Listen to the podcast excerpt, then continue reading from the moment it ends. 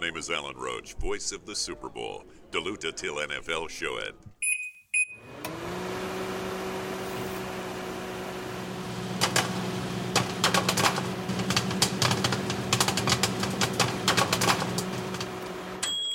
Velkommen til, så er der fodbold og popcorn. Du lytter til NFL Show, der er optaget live on tape og er produceret af Kvartrup Media i samarbejde med Tafel og Odset fra Danske Spil.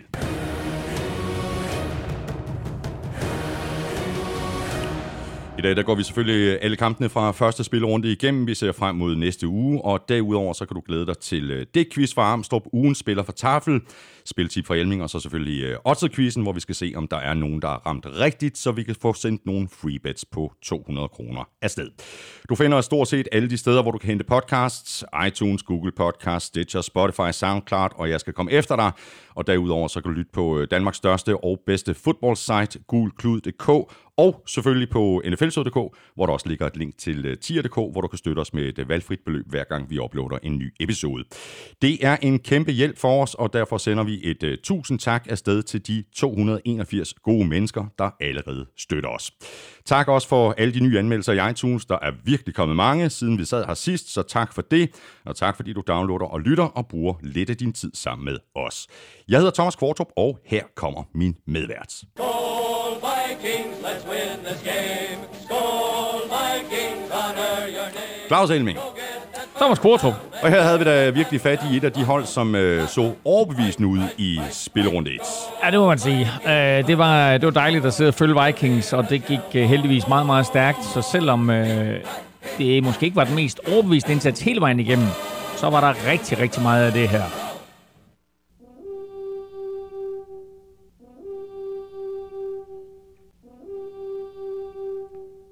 Når vi skal tale om kampen mellem Falcons og Vikings, så øh, er vi jo nødt til på et eller andet niveau også at rose Atlanta Falcons, for de spillede faktisk en god kamp, men mm. de begik nogle fejl, som gør, at man ikke kan vinde fodboldkampe, mm. og det er forskellen på at, øh, at tabe og vinde i NFL. Det er, hvem laver fejlene, hvem gør ikke. Vikings, de straffede Falcons benhårdt for Det de fejl, de. de lavede. Ja, og, og lige fra begyndelsen i øvrigt. Øh, tak for sidst, i øvrigt, øh, og tak for sidst. Det er ikke øh, sidste gang, vi sad her i tirsdags, hvor vi lavede tre udsendelser. Vi øh, var også i øh, biografen. Det var For vi. at se Biggie fucking Blinders. Peaky fucking blinders. Uh, ja, og, og grunden til, at jeg inviterede dig, det var jo, at uh, for en, jeg tror en fire år siden i NFL-showet, der introducerede du mig for Peaky Blinders. Mm. Uh, live her i showet, hvor, hvor vi snakkede sådan, du ved, sådan en intro-snak, som vi har nu, ikke? Og så siger du et eller andet med, har du set Peaky Blinders? Jeg siger, jeg aner ikke, hvad det er. Nej, Piggy, hvad for noget? Ja, præcis. Og så gik jeg ellers hjem, og så blev jeg fuldstændig fan, og så øh, alle fire sæsoner, og fuldstændig fanatisk, og så var vi så til premiere her på femte ja. sæson. Og det var hyggeligt. Det var super fint, og øh, at du, lige- du var jo taget som du var taget direkte ud af serien. Du var Ja, det var du i hvert fald også. Arthur fucking Shelby.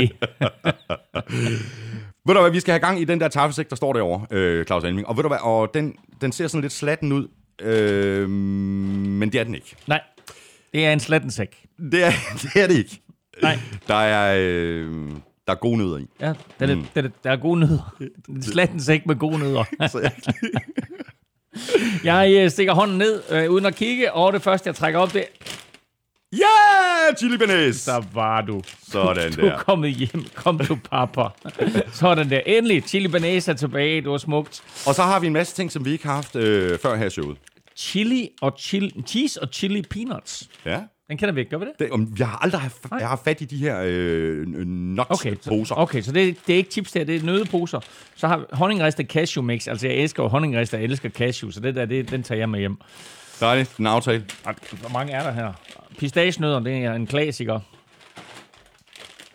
Og så dem der, ved du hvad, der har du fat i dem, ikke? spicy chili peanuts. Dem har jeg øh, prøvesmagt. Ja, selvfølgelig. Jeg kan, godt, jeg kan godt sige, at de er hæsligt gode. Spicy chili peanuts. Godt. Jamen, øh, jeg åbner her. Kom, oh, der kommer jeg til at rive taffelhalløjet i stykker der. Nå, sådan der. Godt, jeg smager den. Jeg smager. Det er første testsmagning, det her. Mm, Okay, de er virkelig, virkelig gode. Au, au, au. Nå. Så er den der spicy chili peanuts. Jeg vil ikke sige, at vi har fået en ny favorit, men den er helt deroppe. det er den.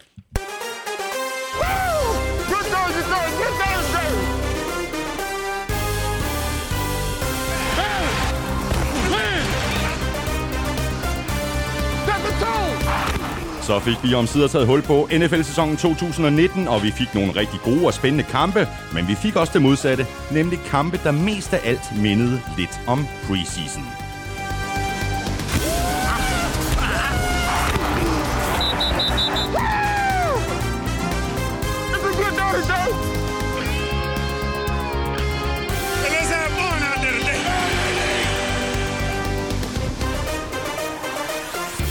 Hvad bliver skjult i Area 51? Hvem myrdede JFK? Hvem stod bag 9-11? Og har USA nogensinde været på månen? Der er masser af konspirationsteorier, og nu er der en helt ny af slagsen, og den handler om Antonio Brown. Jeg hedder Thomas Kvartrup, og med mig har jeg Claus Elming. Give me one now, folks. Give me one. Give me one. Woo! Elming, vi kommer til at tale øh, meget mere Antonio Brown. De er ret gode, de der... øh, Det er helt sygt, så gode de er jo. Altså, nu har jeg lige smagt et par stykker mere. Altså, Og det, de bliver bare ved. Nå. Hold kæft, de er gode. Ja. Øh, vi kommer til at tale øh, Antonio Brown, øh, men ved du hvad, noget som jeg faktisk skulle have sagt i begyndelsen af udsendelsen, som jeg kom fra igen, det er, at øh, nu er vi jo kommet på Facebook øh, i år, og øh, der er det faktisk måske en meget god idé for vores kære lyttere lige at smutte ind omkring vores Facebook-side og like den, fordi så sker der nemlig noget. Jamen, øh, vi har jo simpelthen øh, i samarbejde med Odset lavet en øh, konkurrence, som betyder, at man kan vinde en... en, en, en, en, en, en I, I, I, I, I want the knife.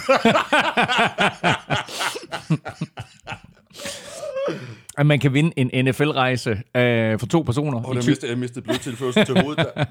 i øh, 2020. Og øh, det, det, det, det er faktisk en konkurrence, der kører sådan øh, på tværs af alle mulige sites på. Altså NFL-showet her, og øh, Gul Klud, og vores Eat My Sports, vores nye madunivers. Ja, og så videre. Men gå ind på NFL Shows Facebook-side, like siden og like det opslag, der kommer op lidt senere i dag, og så deltager du automatisk i øh, lodtrækning om at være med i den her konkurrence. Det er fantastisk.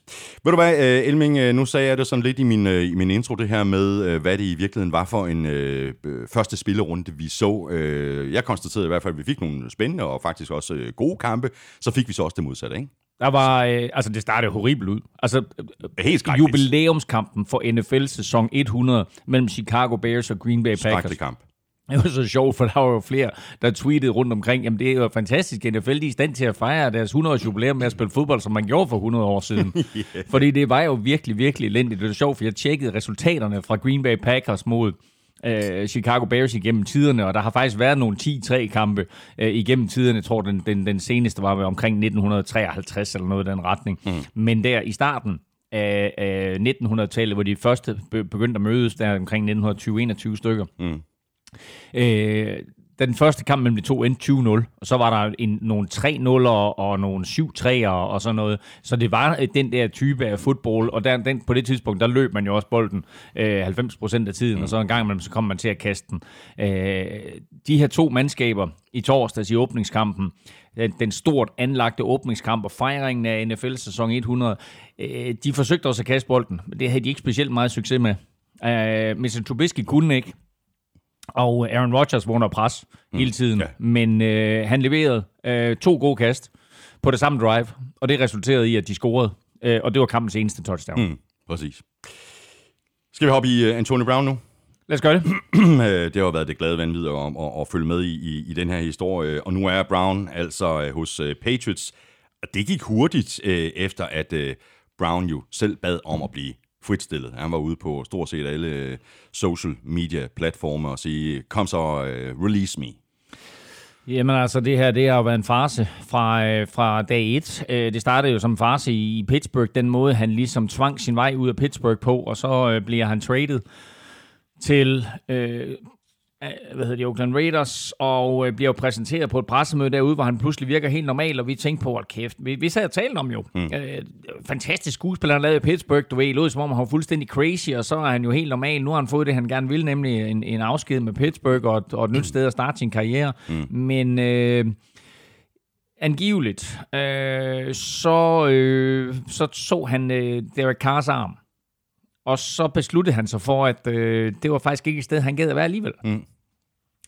Så, så selvom jeg så egentlig synes, at, at nogle af de ting, man har set i Hard Knocks, og de ting, der er kommet fra træningslejren, der ser det ud som om, at Derek Carr og Tony Brown, de egentlig har haft et fint samarbejde på banen. Jo tak, men hvad er der blevet klippet ud? Fordi der er jo noget med, at, at det hold, det handler om, har jo sådan, jeg ved ikke, om de har redigeringsret, men de er jo inde over, ikke? Jeg gad godt at se de der filmstrimler, der er blevet klippet fra. Ja, altså de har, de har det, man kalder last say, og det vil sige, at, at de kan, øh, øh, når, når de får det endelige produkt, så kan de sige, nej, det klip skal ikke med, det klip skal ikke med. Øh, du har fuldstændig ret. Altså, øh, de der øh, stykker bånd, der ligger rundt omkring med, med udklip, det kunne være meget, meget interessant at se. Men altså, øh, det er ikke noget, som er stadfæstet nogen steder, at det var på grund af Derek Carrs arm, men det er nogle af de rygter, der er der, det er, at øh, han har været vant til at spille sammen med Ben Roethlisberger, og øh, selvom ham og Big Ben ikke lige frem er på talefod lige nu, så tror jeg, at han godt kunne lide Big Bens arm. Mm. Og øh, der var han ikke øh, synderligt imponeret over Derek Carrs arm, øh, og jeg ved ikke, om der skete andre ting i organisationen, men i hvert fald, så vil han lige pludselig ud af, af, af Raiders og, og væk fra Oakland.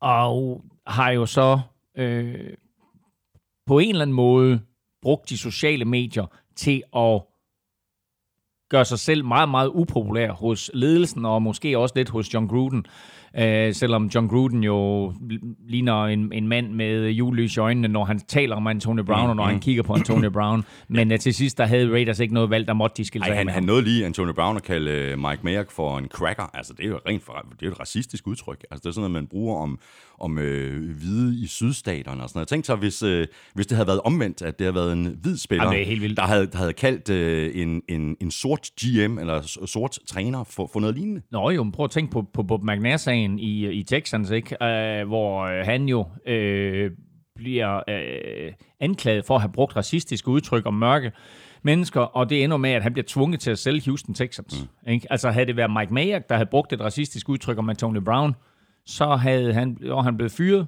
på, øh, på, stedet. På, på stedet, og havde ikke set en, øh, et, et NFL Room igen. Nej.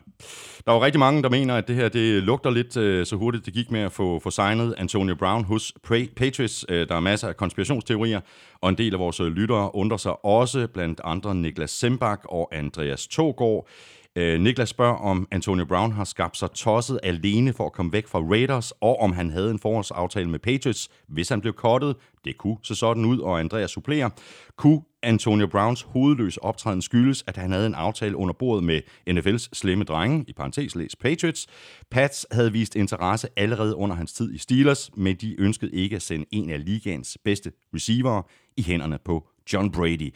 Og måske derfor skulle AB lige et smut forbi Gruden og Company og levere Circus AB.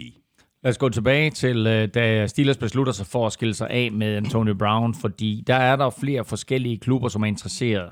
Og en af de klubber, der er interesseret, det er New England Patriots, og angiveligt tilbyder de et første runde draft pick. Det er det højeste, som Steelers bliver tilbudt af nogen klub. Men Steelers siger, vi kommer ikke til at sende Antonio Brown til vores værste konkurrent, og vi kommer ikke til at sende Antonio Brown til andre AFC North-klubber. Så der var fire klubber der, som de sagde nej tak til, uanset hvad budet nu måtte være. Det bedste bud ud over det, det er for en spiller af Antonio Browns kaliber, latterligt lidt, men det hedder et tredje runde pick og et femte runde pick, som de får for Raiders. Det takker de ja til, og sender Antonio Brown til Raiders. Det betyder jo, at Antonio Brown ikke har haft nogen som helst indflydelse på, hvor han røg hen. Og det var jo det trumfkort, som Steelers sad med. Præcis. Det var, at de kunne bestemme mm. over Antonio Browns fremtid. Mm. Og de valgte at sige, at vi sender ham til en klub, som vi ikke møder ret tit, og som heller ikke nødvendigvis er særlig konkurrencedygtig, og som vi ikke forventer bliver et problem for os. Så afsted med ham, og Antonio Brown virkede glad, men øh, bag ved kulisserne har der helt sikkert foregået noget, og der er heller ikke nogen, der siger, at han ikke har haft kontakt til New England Patriots eller måske andre klubber. Øh, han har jo så, Antonio Brown, angiveligt ifølge en ESPN-rapport, henvendt sig til nogle social media eksperter og sagt til dem, hvordan laver jeg bedst muligt så meget ravage, mm. så jeg bliver fritstillet. Hvordan kan jeg speed processen op? Hvordan, hvordan, hvad, hvad, hvad, hvad kan jeg gøre af underlige ting, mærkelige ting, forskellige ting, som gør, at Raiders til sidst ikke har andet valg end at fritstille mig. Det, det virker alligevel øh, rimelig øh, vildt, at han, han ligefrem beder om råd til at være crazy, fordi øh, indtil videre han har klaret det fint selv. Ja, yeah, øh, men altså det kan også være, at øh, de hjælper ham med at komme ud af Pittsburgh, øh, fordi den måde, han har ageret over det sidste år til at lande på, det har været fuldstændig irrationelt, og man har tænkt, altså hvad foregår der inde i hovedet på ham? Mm. Øh, og det sidste øh, strå øh, er jo nok, øh, den sidste dråbe, der får, der får bæret til at flyde over for, for Raiders, er jo nok den her video, hvor der er en samtale med John Gruden, som han har optaget på sin telefon, og så tager han det her lydklip med John Gruden, og så lægger han en fremragende produceret video henover, mm. sort-hvid video med noget strygermusik, og han leger med sine børn i haven, mens Gruden stiller ham spørgsmål sådan, you wanna be a raider? Ja, ja, ja, I wanna be a raider, og så videre. Øhm, og, øh, an, altså, og igen, prøv at høre, angiveligt bliver brugt mange gange i den her sammenhæng, fordi det er kun rapporter, og vi har det selvfølgelig ikke fra hestens mund, men angiveligt har Gruden faktisk accepteret, at han lavede den her video, og også øh, sagt efterfølgende, at han synes, det var sjov. Mm. Ja. Men øh, ikke desto mindre, så øh, på Det var, så også på, direktionsgangene... det var så også på det tidspunkt, hvor Gruden han, han, han bare håbet på, at Antonio Brown ville komme tilbage og ville være klar til week one, og nu kan vi ikke bare spille fodbold nu, ikke? Ja, ja, nu, er, nu, er, nu er alt det crazy, det er overstået. Nu spiller vi fodbold. Ja. Sådan gik det ikke. Nej, og det der sker, det er så, at øh, på direktionsgangene, der beslutter de sig for, når øh, enough is enough, nu er vi nødt til at fyre ham, og så fyrer de ham. og så lægger han jo en video op, Antonio Brown, hvor han jublende får den her opringning med, at han er blevet fyret, mm. og så løber rundt af glæde i haven. Øh, og man tænkte, okay, øh, altså, øh, man er jo crazy. Ikke? Men altså, fint nok, øh, vi har fået et, øh, et, et større indblik i hele den her proces, end nogen kunne have håbet på. Øh, så øh, altså, tak til, til opfindelsen af sociale medier, fordi det her det har da bare givet os mulighed for at følge med fra sidelinjen det var i, i, i en fuldstændig uhørt grad. Ja. Og så gik det, altså, og så er jeg til, tilbage Ja, ja, til det her med konspirationen, præcis. ikke? Fordi altså, så går det altså hurtigt, ikke? Fordi jeg tænkte bare, okay, hvem er det, der vil signe den her madman nu? Mm. Altså, hvad er det, han regner med? Hans agent Drew Rosenhaus siger jo efterfølgende, at markedet for Antonio Brown var robust. Altså, mm. der var rigeligt at tage af. De to, som jeg har hørt, nej, de tre, som jeg har hørt, det er Cleveland Browns, det er Seattle Seahawks, som, og Seattle Seahawks har selv været ude efterfølgende, Pete Carroll, headcoachen, har selv været ude og sagt, jamen altså, de øh, lagde et bud ind på Antonio Brown. Og den tredje øh, er så New England Patriots. Og der går jo ikke meget mere end to-tre timer, fra han er blevet fyret, til han skriver under med Præcis. New England Patriots. Mm. Og når man ser på, når man ved, hvor, hvor, hvor, hvor omfattende en NFL-kontrakt er, hvor mange sider der er, de økonomiske aspekter, der skal på plads, og det her det er en lørdag, så skal der altså ske rigtig, rigtig meget på to-tre timer, fra han bliver fyret, mm. til Patriots har det hele på plads, Mhm. til at det er sandsynligt, at de ikke har forberedt det her. Eller lad os sige, at det er usandsynligt, Ja, at, de, at de ikke har forberedt ja, det. Ikke? Fordi det kan ikke lade sig gøre.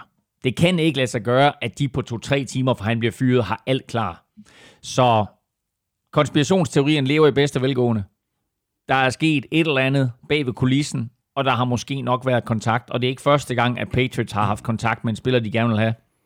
LeGarrette Blunt indrømmede faktisk, da han kom tilbage til Patriots, at øh, der måske nok havde været noget kontakt, og han øh, gjorde alt, hvad han kunne for at komme tilbage til Patriots, og Patriots tog imod ham med kysshånd. Øh, og her har, efter min bedste overbevisning, Drew Rosenhaus og New England Patriots haft alt på plads, sådan så når, hvis det her det skete, så var det et spørgsmål om, at så var kontrakten på plads, detaljerne var forhandlet på plads, der var bare en underskrift og nogle detaljer, der lige skulle øh, fixes. Så må vi se, hvordan det går øh, med Antonio Brown i New England, om der kommer øh, ro på. Øh, men øh, for at det ikke skal være løgn, så så, så jeg en historie her til, til morgen meget tidligt øh, i morges, øh, om at, øh, at Brown nu i tre separate tilfælde bliver beskyldt for øh, sexual assault, øh, sexovergreb og, og, og voldtægt. Øh, altså manden er jo selvfølgelig uskyldig indtil det modsatte er bevist. Men igen, der kan bare hurtigt komme støj omkring den her mand, også i New England. Jeg løber lige hurtigt sagen igennem, så man får et overblik over, hvad det drejer sig om. Og som du siger, manden er uskyldig indtil andet er bevist. Her er det, der står i anklageskriftet. Og lad os lige slå fast, de her to, de har kendt hinanden i mange, mange år. Øh, eller mange år, de har kendt hinanden siden 2010, øh, hvor de begge gik på det college, sted Central Michigan. Og her kommer en lille sjov finesse. Det er ikke en sjov sag, men det her det er en sjov finesse i den her sag. Øh, de var makkerpar. De, de gik, de mødte hinanden i Fellowship for Christian Athletes og de var makkerpar i Bible Studies. Stærkt. Uh, Brown han spillede fodbold, han var i sit tredje år. Uh, kvinden her hedder Brittany Taylor. Hun var uh, første års, altså freshman, hun var gymnast. Uh, så uh, skilles deres veje efter college. hun bliver personlig træner. Og øh, de mødes igen der i 2017, hvor Brown han spørger, om, øh, om hun øh, vil træne ham, og det siger hun ja til. Og så flyver de sammen øh, til øh, hans forskellige hjem der i 2017 øh, i, P- i Pittsburgh og i Florida, og hun, hun træner ham osv. Øh, og så i 17 er det første, den første hændelse, hvor han begynder at, at, at kysse på hende og tage på hende, og hun siger nej tak. Øh, og igen i 17, angiveligt, ifølge anklæ- anklageskriftet, ved, på et senere tidspunkt, øh, der masturberer han bag ved hende, og kommer på ryggen af hende. Og angiveligt er der også øh, sms'er fra Brown til hende omvendt, der bekræfter de her ting. Mm. Uh, så skilles deres veje igen. De mødes først i 2018. Og her er det så, at den, den, den, den ligesom, øh, store ting i den her sag kommer, og det er, at han angiveligt i maj 2018 voldtager hende. Uh, Browns lejer siger, at uh, den her uh, hændelse var med, med begges accept, altså det var sex med begges accept, og at hun to uger senere, 10 dage senere faktisk kun, tropper op på Browns adresse igen af egen fri vilje kl. 2 om natten. Det er fakta i anklageskriftet. Hvor det her det ender, det har vi naturligvis ingen anelse om. Men det er bare endnu en sag, som er i den her Antonio Brown-saga, og den første, der kommer frem i pressen, efter han er skiftet ja. til Patriots. Ja, præcis. og Patriots har naturligvis været ude og melde ud. Vi kender til sagen, vi kender til begge parters øh, stilling i den her sag, øh, og vi er opmærksomme på den. Vi øh, udtaler os ikke om sagen, øh, før der er noget konkret, men det er naturligvis øh, ikke noget, vi på nogen måde accepterer i vores organ- organisation, øh, vold, eller, vold mod kvinder eller voldtægt i det hele taget.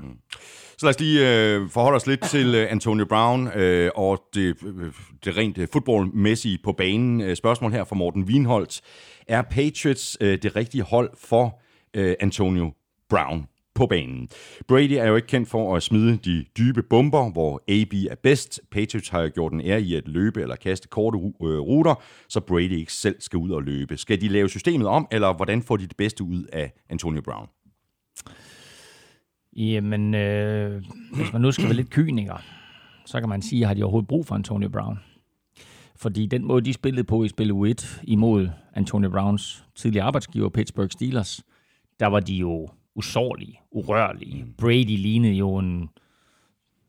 Han, han lignede jo en 38-årig gammel mand. Han lignede i hvert fald ikke en mand, der er i gang med at pensionere sig selv. Nej. Er du tosset? Øh, de så virkelig gode ud, og Josh Gordon så god ud, Philip Dorsett så god ud. Øh, Antonio Brown giver dem selvfølgelig et helt unikt våben, og det er jo fuldstændig umuligt at dække alle de her receiver op.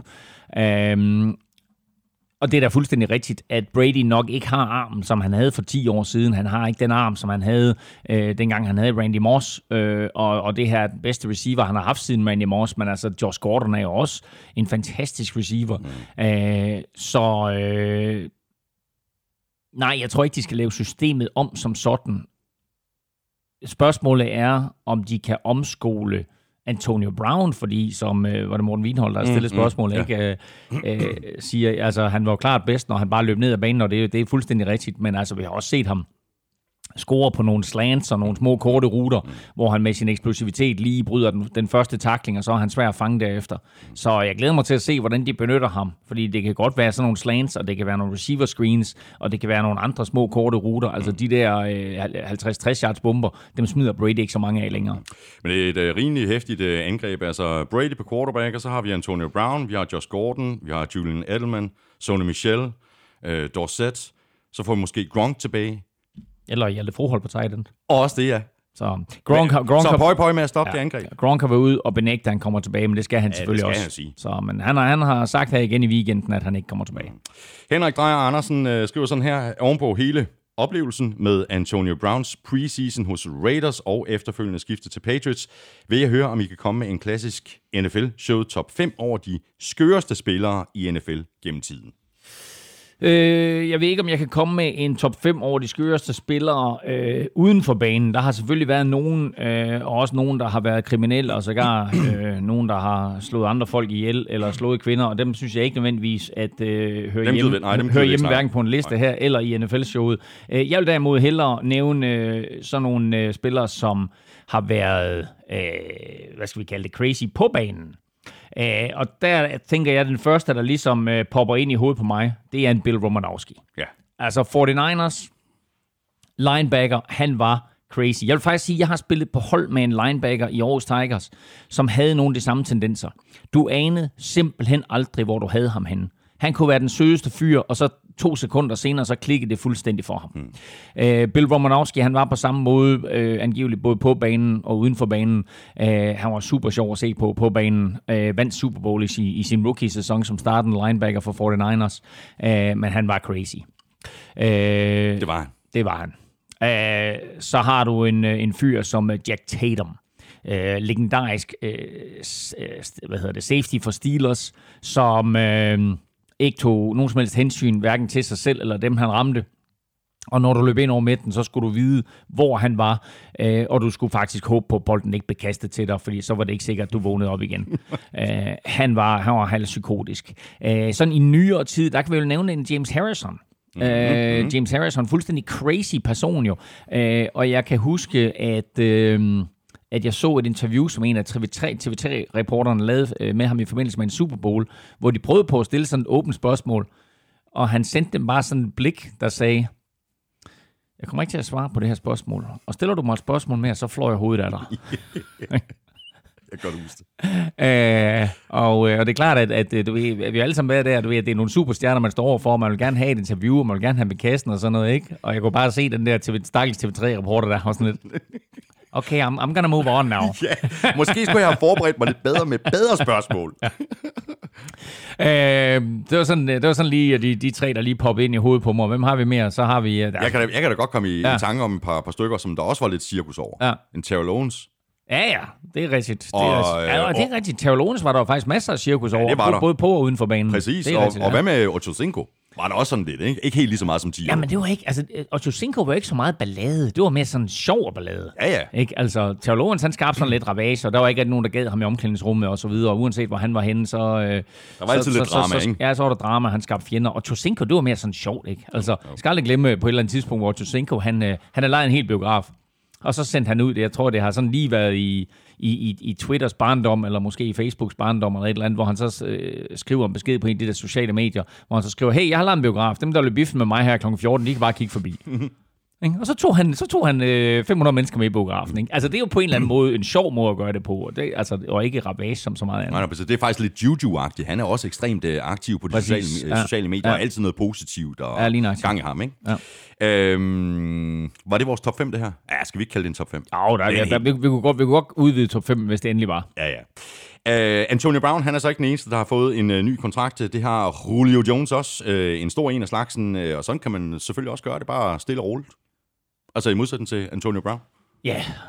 Julio, Julio, han er glad for, hvor han er, og øh, han øh, skriver en kæmpe kontrakt, øh, den største for en receiver, øh, 66 millioner dollars, alle 66 millioner garanteret, og er det 62 eller 64, han har fået i hånden. Så øh, det her det er en treårig kontrakt. Øh, igen øh, ser vi de her treårige kontrakter. Det, det er, altså jeg vil ikke sige, det vil blive kutume, men vi har efterhånden set et par stykker af dem. Og øh, det her, det er øh, den kontrakt med flest garanterede penge på noget tidspunkt til en receiver. Mm. Og så får han nærmest dem alle sammen i hånden. Så øh, de satser på, at Julio han er, han er god i, i minimum tre år mere. Og i hvert fald så kan Julio gå ud og, og købe sig en, en øh, ny bil og et nyt hus, og hvad han ellers lige har lyst til. Mm. Og så lykkedes det jo faktisk øh, om sider for Cowboys og Ezekiel Elliott at blive enige. Zeke har fået en øh, kontrakt på 6 år, 90 millioner.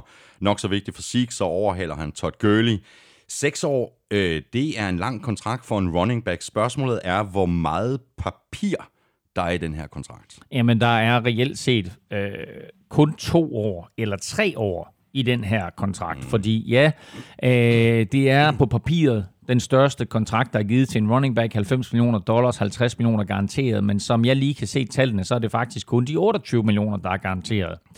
Øh, de kan, Cowboys, som det ser ud nu, slippe ud af den her kontrakt efter 2020. Øh, og igen skal vi lige lægge mærke til det her med, at overenskomsten mellem NFL og Spillerforeningen udløber efter 2020. Og det vil sige, at der i mange af de her kontrakter er nogle formuleringer og noget sprog, som gør, at de fleste klubber vil kunne slippe ud af de her kontrakter på en eller anden måde, mm, mm. og at de konstruerer de her kontrakter sådan, så kommer der en strække, eller kommer der en eller anden form for uenstemmelse mellem Spillerforeningen og NFL, så er der nogle af de her kontrakter, og nogle af alle de her penge, som ikke bliver udbetalt. Mm. Øh, Ezekiel Elliott får en frygtelig masse penge her de første to år. Der er han garanteret de her 28 millioner dollars, og så er han garanteret penge igen allerede i umiddelbart efter Super Bowl i 2021, så det vil sige, altså før 2021-sæsonen går i gang, det vil sige, vi ved ikke helt, om der kommer en strække eller ikke kommer en strække, mm-hmm. men er han bare på holdet per omkring 1. 10, 1. 5. 10. marts, sagt et eller andet, mm. så, så har han garanteret yderligere 15 millioner dollars, og det samme året efter. Så der, der er rigtig mange af de her penge, som er påstået garanteret, som egentlig ikke er garanteret. Øh, min umiddelbare vurdering, og jeg er selvfølgelig ikke ekspert på de her sager, men det er faktisk, at det kun er 28 millioner, der er garanteret 100 procent. Mm.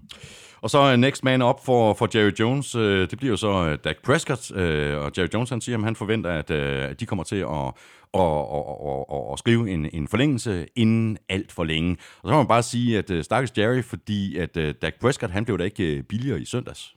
Nej, det gjorde han bestemt ikke. Altså, øh, Dak Prescott, og det kommer vi selvfølgelig til at tale om, når vi taler Cowboys, men han, øh, han satte en øh, Cowboys-rekord med at lave en, en perfect passer rating på 158,3. Han kastede fire touchdowns, og øh, han lignede the second coming of, øh, of øh, Roger Staubach.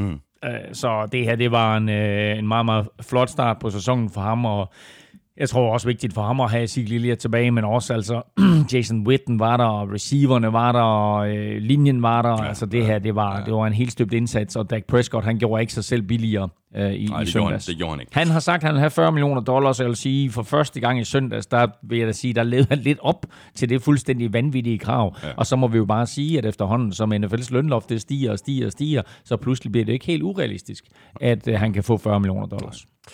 Så kan vi lige rundt på par skader. Øh, Nick Foles øh, har brækket sit øh, kravben, og han kommer til at misse mindst syv kampe. Det er ikke så godt. Øh, hvad hedder deres nye quarterback? Ja, hvad han hedder, uh, Gardner Minshew eller sådan noget. Min, Minshew? Minshew? Minshew? Minshew? han gjorde det faktisk meget godt, Minshew, da han kom ind. Minshew Gardner var fantastisk, og uh, det var måske lidt overraskende for alle, at han var så god, som han var. Uh, nu var det selvfølgelig også Chiefs forsvar, han spillede mod, så uh, det er jo ikke, ikke sikkert, at... Uh, at, at det er et specielt godt forsvar. Det får vi se her i de kommende mm. uger, men han, han så i hvert fald rigtig godt ud. Øh, det, er jo, altså, det er jo vanvittigt uheldigt for Nick Foles, og det er vanvittigt uheldigt for Jaguars, at de signer ham til en kæmpe kontrakt, og det er ham, der ligesom, de hænger en masse håb på ham, ikke? Altså nu endelig har de en quarterback, de har ikke bare en, en uh, Super Bowl vindende quarterback, de har en Super Bowl MVP quarterback til at styre løjerne, og uh, de har ham endda i, sammen med Joe DeFilippo, ikke? Så, så de to, der kender hinanden fra Eagles-tiden. Og så brækker han kravbenet her. Og til at starte med, så var meldingen øh, med de der brække kravben, om nogle gange i NFL, så på fuldstændig magisk vis, så kan du komme tilbage efter to eller fire uger. Mm. Men nu her der er han altså ude i minimum 8. Ja. Så blev uh, Tyreek Hill også uh, skadet i kampen mellem uh, Chiefs og, og Jaguars. Han undgår så at ryge på injured reserve. Det er i hvert fald det, det seneste, jeg har læst om, om den skade.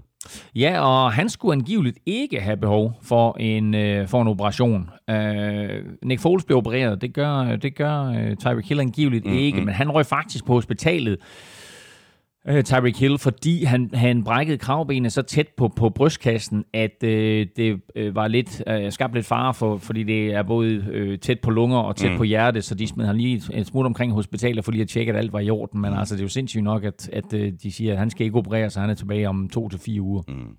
Og når vi nu alligevel har fat i uh, Tyreek Hill og uh, Chiefs, uh, så er der et spørgsmål her fra Peter Hansen.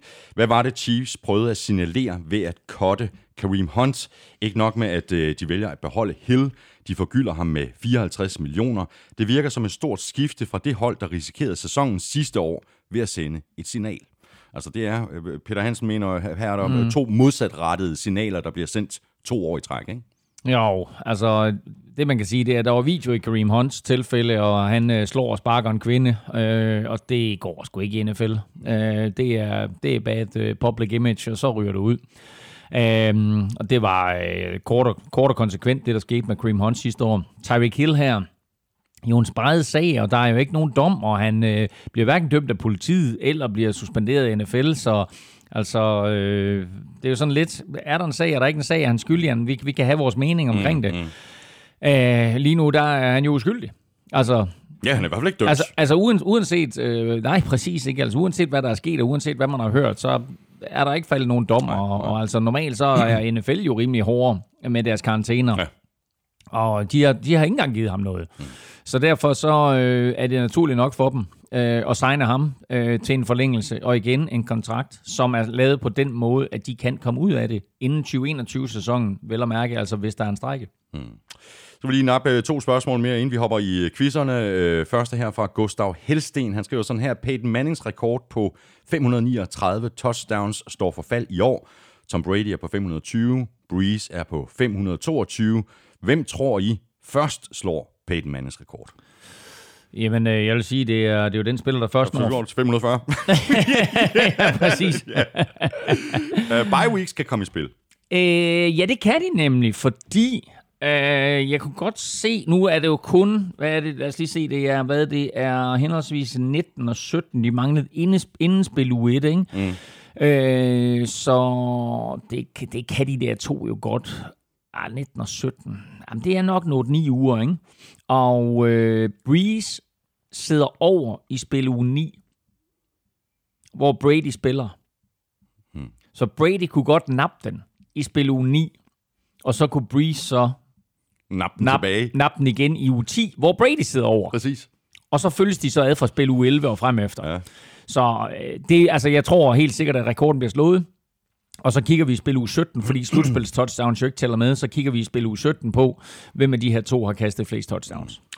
Spørgsmål her fra Martin Carlsen, der reagerer lidt på det, som vi sad og, og talte om i en af vores udsendelser i sidste uge. Det her med, at man kunne, øh, hvis man øh, var over at se en kamp i, i virkeligheden, at man så kunne øh, prøve at lade være med at kigge på bolden, men i, i stedet for at kigge på enten den offensiv linje eller defensiv linje. Martin Carlsen skriver sådan her, da jeg sad og så øh, Bears øh, mod øh, Packers, der begyndte jeg at kigge på de to linjers kamp mod hinanden. Men hvad skal man... det, det, det, tror der pokker, der var ikke meget meget, der gik på. Nej, det var der ikke. Det var faktisk en god kamp at gøre det. Hvad skal man egentlig kigge efter for at se, om de spiller godt? Øh, jeg kan selvfølgelig godt se, at hvis øh, quarterbacken bliver sækket hele tiden, så går det bedre for den defensive linje, end det gør for den offensive linje. Men der må jo være mere til det end bare det. Okay, der er jo rigtig, rigtig mange små øh, finesser i en kamp. Altså, øh, den offensive linje, og den defensive linje for den sags skyld, bliver undervist i skridt, og hvor du har den, den venstre hånd på det første skridt, og hvor du har den højre hånd på det første skridt. Øh, og det er klart, at, at det kan du træne og træne og træne, når du så er i en kampsituation, så øh, kan du ikke udføre det på samme måde, som du gør til træning. Men der er jo simpelthen så, så mange små finesser. Øh, D-line selvfølgelig, hvordan håndterer de modstanderne? Er de i stand til at hold their ground, som man siger, det sådan, at de ikke bliver presset tilbage? Er de i stand til også at håndtere den offensive linje, man tage, tage, tage ved ham? Kig, altså simpelthen nærmest øh, hold holde ham op, og så kig hen over højre skulder på ham og venstre skulder på ham. Hvor er running backen? Og så er det øjeblik, running backen kommer, får smidt den offensive linjemand væk og få lavet taklingerne. Øh, kan også være, at de, de spiller et system, hvor det simpelthen gælder om at få lukket alle huller, at de er i stand til at få lukket de huller, der nu skal lukkes. Øh, hvis vi kigger på ydersiderne, hvordan holder de contain? Øh, når vi taler om Vikings, så kommer vi til at tale om Tag McKinley, som på ingen måde holdt contain i weekenden mod Vikings. Så og contain betyder, at man lukker ydersiden af, sådan så man tvinger en eventuel running back til at løbe indvendigt, mm. fordi indvendigt, der er der 10 spillere til at hjælpe dig. Udvendigt, der har du altså en eller to. Øh, så der er rigtig, rigtig mange små øh, finesser i det her. Den offensive linje, øh, igen, den, det allervigtigste for mig på en offensiv linje, det er, hvordan arbejder de fem mand sammen. Uh, individuelt er det klart, at du skal have nogle kvaliteter, men det vigtigste for mig, det er, hvordan arbejder de fem mand sammen. Er de i stand til at åbne huller? Er de i stand til at beskytte quarterbacken? Uh, når man for eksempel løber bolden, hvor hurtigt er en uh, lineman så til at komme over på den rigtige side af en defensive lineman, få ham skærmet af og få ham skubbet i den rigtige retning? Uh, hvordan er uh, både den samlede pass protection for fem eller seks eller syv mand, hvor mange man nu holder inde, uh-huh. uh, og hvordan er det individuelt? Ikke? Altså er du i stand til at håndtere din uh, modstander mand til mand, eller skal du have hjælp? Øh, principielt så, så bruger man udtryk i, øh, i øh, NFL, der hedder uh, a hat on a hat, altså mm, uh, mand, mand mod mand, mm, ikke? Eller sådan, at hvis du kan spille mand mod mand, så har du en kæmpe fordel, men, men tit, når du møder en Aaron Donald for eksempel, så er du nødt til at have to mand på ham, ja, nogle gange tre mand ja, på ham. Ja. Så, så der er rigtig mange ting at holde øje med på de to linjer, og det er jo et helt NFL-show. Det er en hel sæson af NFL-showet, ja, bare skulle snakke om det. Ja, ja, præcis. Der er rigtig, rigtig mange ting, man kan dykke ned i. Nu har du lige forklaret, forklaret en, en del af det her, Elming, men hvis, hvis du, Martin Carlsen, øh, i øvrigt er mere interesseret i at, at kigge på, på, på linjespillet, og hvis der er andre af, af vores gode lyttere, der er, jamen så må man jo også bare øh, søge øh, på Google, og man kan gå på øh, social media. Der er, der er masser af små videoer, hvor der bliver tegnet og fortalt, altså hvor man kan blive klogere på, hvad er det egentlig, man skal holde øje med på den defensive linje og på den offensive linje, hvor, hvor, hvor mange af de her videoer, der sådan bliver stoppet, og så bliver det forklaret, og så kører videoen videre. Det, det kan jeg kun anbefale at, at dykke lidt ned i. Det det er faktisk meget sjovt. Vi skal have quizzen. Åh, oh. Det er tid til quiz. Quiz, quiz, quiz, quiz.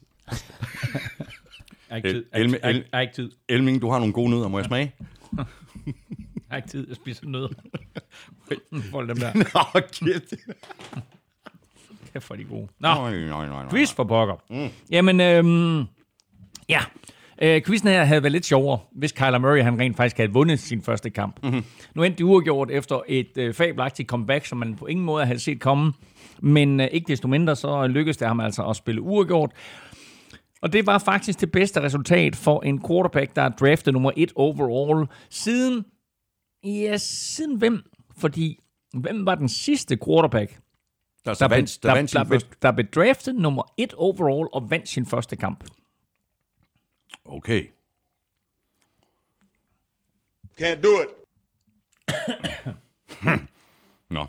Ja, Men det må, øh, jeg, jo- det må jeg jo prøve at... der er nogle stykker at vælge imellem. Ja, det, der, der er mange Ja. ja. imellem. Nå, øh, du skal også øh, have en quiz, Ja, tak. øh, og det er dæk-quizzen fra The One and Only, øh, Søren Armstrong, mm. som måske havde lidt øh, bøvl med pararimene i sidste uge, men der var det jo stadigvæk øh, preseason. Det er ikke preseason øh, længere, så nu, øh, nu, nu kører det for Armstrong. Here goes. Vi klarede det. De mørke tider er forbi. Det betyder quiz med dilettantisk poesi. Ingen laverbær hvile til Mogens og TB12. 1000 point til dem, og Dolphins kører en omgang stå trold. Hollywood Brown, Cleveland Browns, Antonio Brown, debutkonge, ned på jorden igen, prime time clown. Edelman kom over 500, som statistikken siger, men hvem i Pats historie er de andre fire? Altså, hvilke fire spillere har, ud over Edelman, grebet flere end 500 bolde i Patriots historie? Jeg vil være ærlig med det samme og sige, at jeg havde et bud på de to. To af de her fire. Hvem? Det vil jeg ikke sige. Især ikke de to, som jeg ikke... Øh, nej, nej, nej. Ah, men den, øh, jeg tror, jeg kan, godt, jeg kan, kan nok godt de tre, måske endda alle fire. Det er stærkt. Så hopper vi i kampene. Elming, vi gør det en øh, smule anderledes øh, i år. Vi deler kampene op, og så kører vi rapid fire på den første halvdel, altså lidt hurtigere, end vi plejer. Kaninil. Og så må, og så må vi så se rapid fire kaninil, ja. Så må vi se, hvor, hvor rapid fire det, det ender med at blive. Det er jo trods alt øh, dig og mig og, og NFL-showet. Men øh, vi gør forsøget i hvert fald. Øh, vi begynder med sæsonåbneren. I torsdags mellem Bears og Packers. Øh, Packers vandt den øh, kamp med 10-3, øh, og vi har allerede lige været inde på den indledningsvis. Øh, Elming, det her det var en rigtig åbningskamp med masser af rust. Men nu tager du de peanuts der, fordi jeg gør sidder jeg. med hånden ned i dem hele tiden. Nej, for satan, det var et stort hul, du har lavet. der var peanuts ud over det hele. Øh, den her kamp må igen stille spørgsmålstegn ved, hvordan preseason skal bruges. Fordi der var ikke nogen af Trubisky eller Aaron Rodgers, der havde kastet en bold i preseason. Selvfølgelig er de kastet til træninger, og selvfølgelig er de kastet til de her fælles træninger, man har med andre hold, men der var ikke nogen af dem, der i en kampsituation havde kastet en bold. Og især for Trubisky vil jeg sige, at det var en katastrofe. Aaron Rodgers var heller ikke specielt skarp, og øh, han leverer bare nok spil til, at Packers vinder den her kamp. Preseason skal laves om, fordi det kan ikke nytte noget, at det her produkt er det produkt, der bliver stillet på banen til sæsonens allerførste kamp, og vel at mærke jubilæumskampen for NFL sæson 100. Mm. Øhm, Trubisky var elendig. Aaron Rodgers første kamp i Matt LaFleur's system var ikke noget at skrive hjem om. Nej. Det jeg vil sige kort, det er, trænerstaben i Packers skal have cojones nok til at fortælle Rodgers, at han ikke skal stå og kaste på bagbenet. At når han har en hitch, eller en stay, eller en slant, eller et eller andet, så skal han have hele sin underkrop med. Han har i så mange år været i stand til, fordi han er en unik atlet, og fordi han er så stærk, som han er, og han er så et gudsbenået talent, der har han været i stand til at levere de her kast, og ofte med præcision. Hmm. Men han bliver også ældre. Han skal have sin teknik på plads, for at kunne levere spil på det niveau, som Matt LaFleur han vil have. Bears forsvar lignede sig selv fra 2018, ikke? Bears forsvar lignede sig selv, Khalil Mack lignede sig selv, og Kim Hicks lignede sig selv. Øh, De manglede en fyr, der hed øh, Adrian Amos, Ja, som, øh, Safety. lige, som lige greb en bold. som greb en enkelt bold. Han interceptede nemlig Mitchell Trubisky i endzonen øh, på det ene drive, hvor Bears havde chance for at score touchdown. Så øh, det var forskellen på de to mandskaber. Det var, at Aaron Rodgers han kastede et touchdown, og Mitch Trubisky han kastede en interception. Præcis. Packers, de er 1-0. De tager imod øh, Vikings hjemme. Øh, en super vigtig kamp i divisionen allerede her øh, tidligt øh, i sæsonen. Bears, de er altså 0-1, og de spiller ude mod Broncos. Du tog øh, Steelers i picks, øh, dels fordi vi begge vurderede Steelers til at kunne få en, øh, en stor sæson, men mindst lige så meget, fordi øh, Patriots tit lige skal bruge et par kampe på at komme øh, på sporet. Øh, kan vi ikke bare konstatere, at øh, Patriots ser ud til at være rimelig alvorligt meget på sporet øh, lige fra begyndelsen i år?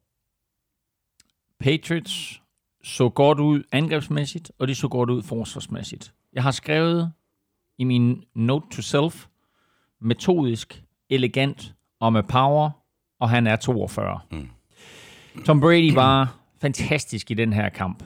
Han pillede fuldstændig Steelers forsvar fra hinanden, og han gjorde det med sådan en ro og overbevisning og præcision og kraft i armen, mm. vil jeg mærke, mm. at man overhovedet ikke kan se, at han er 42. Mindst tre kast til fem forskellige spillere. Og den offensive linje så rigtig god ud, ikke? Den offensive linje så rigtig god ud imponerende på trods af, hvad, hvad, hvad de har været igennem de sidste par uger her. Altså mister deres center og rykker lidt rundt og hiver et par spillere ind og ud og så videre. Og alligevel så spiller den her offensive linje bare på et meget, meget højt niveau. Og så vil jeg sige, at forsvaret for Patriots, vi talte om det i vores optagsudsendelse. Mm. Der er ikke ret mange navne, du nikker genkendende til. Jo, i de bagerste geleder, der er der selvfølgelig nogen med McCourty-brødrene og Patrick Chung, og så videre. Øhm, og du har en Dante Hightower. Men ellers så er det ikke, det er ikke sådan et, et forsvar, hvor du siger, okay, det er bare fyldt med stjerner. Men de spillede simpelthen så godt. Om, om de er så gode, eller Steelers bare ikke var særlig gode, det finder vi ud af i de kommende uger. Mm. Men umiddelbart, der ligner det her jo faktisk det bedste Patriots forsvar, jeg kan huske siden 2002. Mm. De så så gode ud, og det overrasker mig, at Patriots så tidligt i sæsonen ser så skarpe ud, fordi vi er vant til, at Patriots lige bruger september til at komme i gang på. Ja, præcis. Vi har tit set dem være 2 og 2, og så ende øh, 13 og 3. ikke? Men vi har bare tit set dem tabe et par kampe i december. Jeg tror også, de var 2 og 3 for to, år, to sæsoner siden, aktiet eller andet, ikke efter september den første uge af oktober. Men her var de bare vanvittigt skarpe. Og imod det, man jo formodentlig betragter som en af de største konkurrenter, om end Patriots, eller undskyld, Pittsburgh selvfølgelig har mistet Antonio Brown. Ja, spørgsmålet er, hvor meget øh, Big Ben og Steelers øh, manglede Antonio Brown og øh, Le'Veon Bell. Øh, det er et spørgsmålstegn til, til, til angrebet, altså det så noget rodet ud. Og forsvaret, jeg havde virkelig troet, at det her Steelers forsvar, det skulle komme til at dominere hele den her mm. sæson. Mm. Altså jeg var virkelig high på Steelers forsvar. Ja. Det, det så da helt forfærdeligt ud. Nej, det gjorde det egentlig ikke. Steelers spillede faktisk en rigtig god forsvarskamp, men de kunne bare ikke stoppe Tom Brady på tredje down. Steelers havde egentlig rimelig godt fat i Tom Brady øh, ved at lægge pres på ham. Steelers havde egentlig rimelig godt fat i at stoppe løbeangrebet, men Steelers havde gigantiske kommunikationsproblemer Mm. i de bagerste geleder, Ja. og de bagerste geleder er ikke stærkt nok besat mandskabsmæssigt. Mm. Så derfor, så var det bare et spørgsmål om, at Brady han stille og roligt som kirurg fuldstændig dissekerede det her forsvar. Og det var det, der overraskede mig. Jeg troede, de ville dominere Steelers forsvar. Altså, jeg troede, Steelers forsvar ville dominere. Jamen, Og, og noget, og noget jamen, der det- jamen, kendetegner det- et rigtig godt forsvar, ja. det er jo lige præcis at kunne stoppe på tredje down. Hvis Ja. du hele tiden bliver ved med at til- tillade, Ja. at tredje down bliver til første down, ja. jamen øh, så ender der med at blive scoret på dig. Jamen, det, kort, det kort langt det er. Steelers forsvar spillede en god kamp. I hvert fald de forreste syv. Mm. De bagerste fire eller fem, not so much. Nej. Patriots, de er 1-0. De spiller ude mod øh, Dolphins, og det betyder, at de er 2-0 næste uge, når vi øh, taler, med, taler med dig. Og Steelers, de er 0-1, og de øh, spiller hjemme øh, imod øh, Seahawks. Ja, jeg kan lige lige tilføje, at øh, når vi kommer til at tale om Dolphins, så var de jo så elendige, så, øh, så jeg var bange for, at de ville blive suspenderet på oddset. Men man kan altså spille øh, på Dolphins eller på deres modstandere, øh, i hvert fald i den kommende weekend også. Patriots er kæmpe favoritter. De giver øh, bare 1-0-5 igen, og så er de altså så store favoritter, at skal man have det odds lidt forøget, så skal Patriots altså vinde med 17 point, altså to touchdowns og et field goal. Okay. Så, øh, men, man- men, men det er stadigvæk fin forretning. Du, ja, du ja. sætter ned kl. 19 og lægger 100 kroner, og kl. 22, der har du 105. Ja, præcis. Og så øh, videre til en af rundens øh, grimmeste kampe. Øh, Fort Niners, de vandt med 31-17 ude over Buccaneers. Øh, især første halvleg var simpelthen så forfærdeligt at sidde og se på. Øh, absurd mange flag. Øh, begge hold scorede to touchdowns, der blev øh, kaldt tilbage. Øh, en skrækkelig kamp at sidde og se på. Der kom lidt mere svung over det i, øh, i anden halvleg. Der var simpelthen så mange fejl i den her kamp, og øh, det så jo på et tidspunkt ud som om, at Garoppolo skulle afgøre sagerne til Tampa Bays fordel, men det endte jo så med at blive den anden quarterback, James Winston, som afgjorde det til 49ers det er en fordel. rigtig, rigtig skidt interception, han kaster Garoppolo. Ja, ja, Garoppolos interception er rigtig skidt. Den bliver returneret til, øh, til touchdown. Øh, og det er jo, altså... Øh, når vi taler om, om fodbold, så har vi jo helt tilbage fra de gode gamle Zulu-dage, og i al den tid, vi har siddet og prædiket her i NFL-showet, der har vi talt om undgå penalties og turnovers. Og Buccaneers har en angrebsserie, hvor de faktisk scorer to touchdowns, begge to kastet til tight end Cameron Braid, der bliver kaldt tilbage. Det er, det er den samme angrebsserie. Mm. To gange scorer han. Begge, begge gange bliver kaldt tilbage. Man kunne bare se frustrationen første gang, og så dobbelt frustration anden gang. Og så umiddelbart efter, så bliver bolden kastet til den anden tight end, der hedder øh, O.J. Howard, som vi har jo siddet og skamrost i den her udsendelse. Og så fumbler han. Så den angrebsserie slutter uden point. Og så på, på angrebsserien efter, der kaster Garoppolo for Niners quarterback, der kaster han en interception til Vernon Hargreaves. Et elendigt kast. Helt- helt Et kast. elendigt kast, Helt ikke? skrækkeligt. Som bliver læst hele vejen og returneret til touchdown. Bum. Så fik de det touchdown, de skulle have. Øh, Tampa Bay der, ikke? Men i anden halvleg, der kaster James Winston ikke en, men to interceptions, der bliver returneret for touchdown. Og i det hele taget, så kaster han tre interceptions. Ja. Og det vilde af det hele ved det, det er, at 49ers havde tre interceptions i den her kamp. De havde to, To hele, hele sidste, sidste år. Helt, ja, det er helt vildt, ikke? Og sidste år, der havde de syv turnovers hele sæsonen. 16 kampe, syv turnovers. De havde fire i søndags mod Buccaneers. Crazy. Fuldstændig øh, crazy. Spørgsmålet er så, med, med hensyn til de her to, øh, øh, eller de her tre øh, 49ers interceptions, om det var på grund af det bedre, altså langt, langt bedre pass rush, øh, som, som mm. de har nu øh, med, med Bosa og de Ford, der, der, der presser James Winston, eller om det simpelthen bare er James Winston, om vi skal begynde at kaste, kaste grus på, på, på hans grav. Altså, han er jo reckless. Ja, Bruce Arians kan ikke være tilfreds med det, han så fra James Winston. Og kigger man på James Winstons karriere, så har han spillet 57 kampe. Han har kastet to interceptions eller flere i 17 af dem. Så det vil sige, det er lidt, lidt under en tredjedel af sine kampe, at han går ud og kaster to interceptions. Og det skal du bare undgå i NFL. Og det kan ikke nytte noget, især ikke når de her interceptions de bliver returneret til touchdown, som de gjorde imod 49ers. Så uh, Arians og James Winston kan blive en meget, meget kort fornøjelse. Jeg kunne godt se Arians være en lille smule ked af, at han ikke har Ryan Fitzmagic mm. uh, i kulissen lige nu. Ja. For Niners, de er 1-0. De spiller ude mod Bengals. Uh, Bucks, de er 0-1, og de spiller ude mod uh, Panthers, og det gør de uh, allerede uh, natten til fredag. Du havde Bills i picks, jeg havde Jets. Jeg troede Godt set. Det er godt set. Ja, det er rigtig, rigtig godt set, Elming. Jeg troede faktisk rigtig lang tid, at jeg ville uh, trække det længste strå i det lille matchup. Uh, sådan skulle det så ikke gå. Bills kom tilbage fra at have været bagud med 16-0, da der var spillet uh, 40 minutter. Og så scorede de altså tre gange i træk, og øh, Josh Allen holdt så også op med at forære bolden væk, hvilket øh, Jamen altså- måske er en meget god idé. Jamen altså prøv at høre, apropos turnovers, ikke? Altså du skal udnytte de chancer, du får, når du, når du laver en turnover, altså når du fremtvinger en turnover, enten en formel eller en interception, så skal du udnytte de chancer, du får. Jets fremtvinger fire øh, turnovers i første halvleg, ikke? og de får ikke nok ud af det.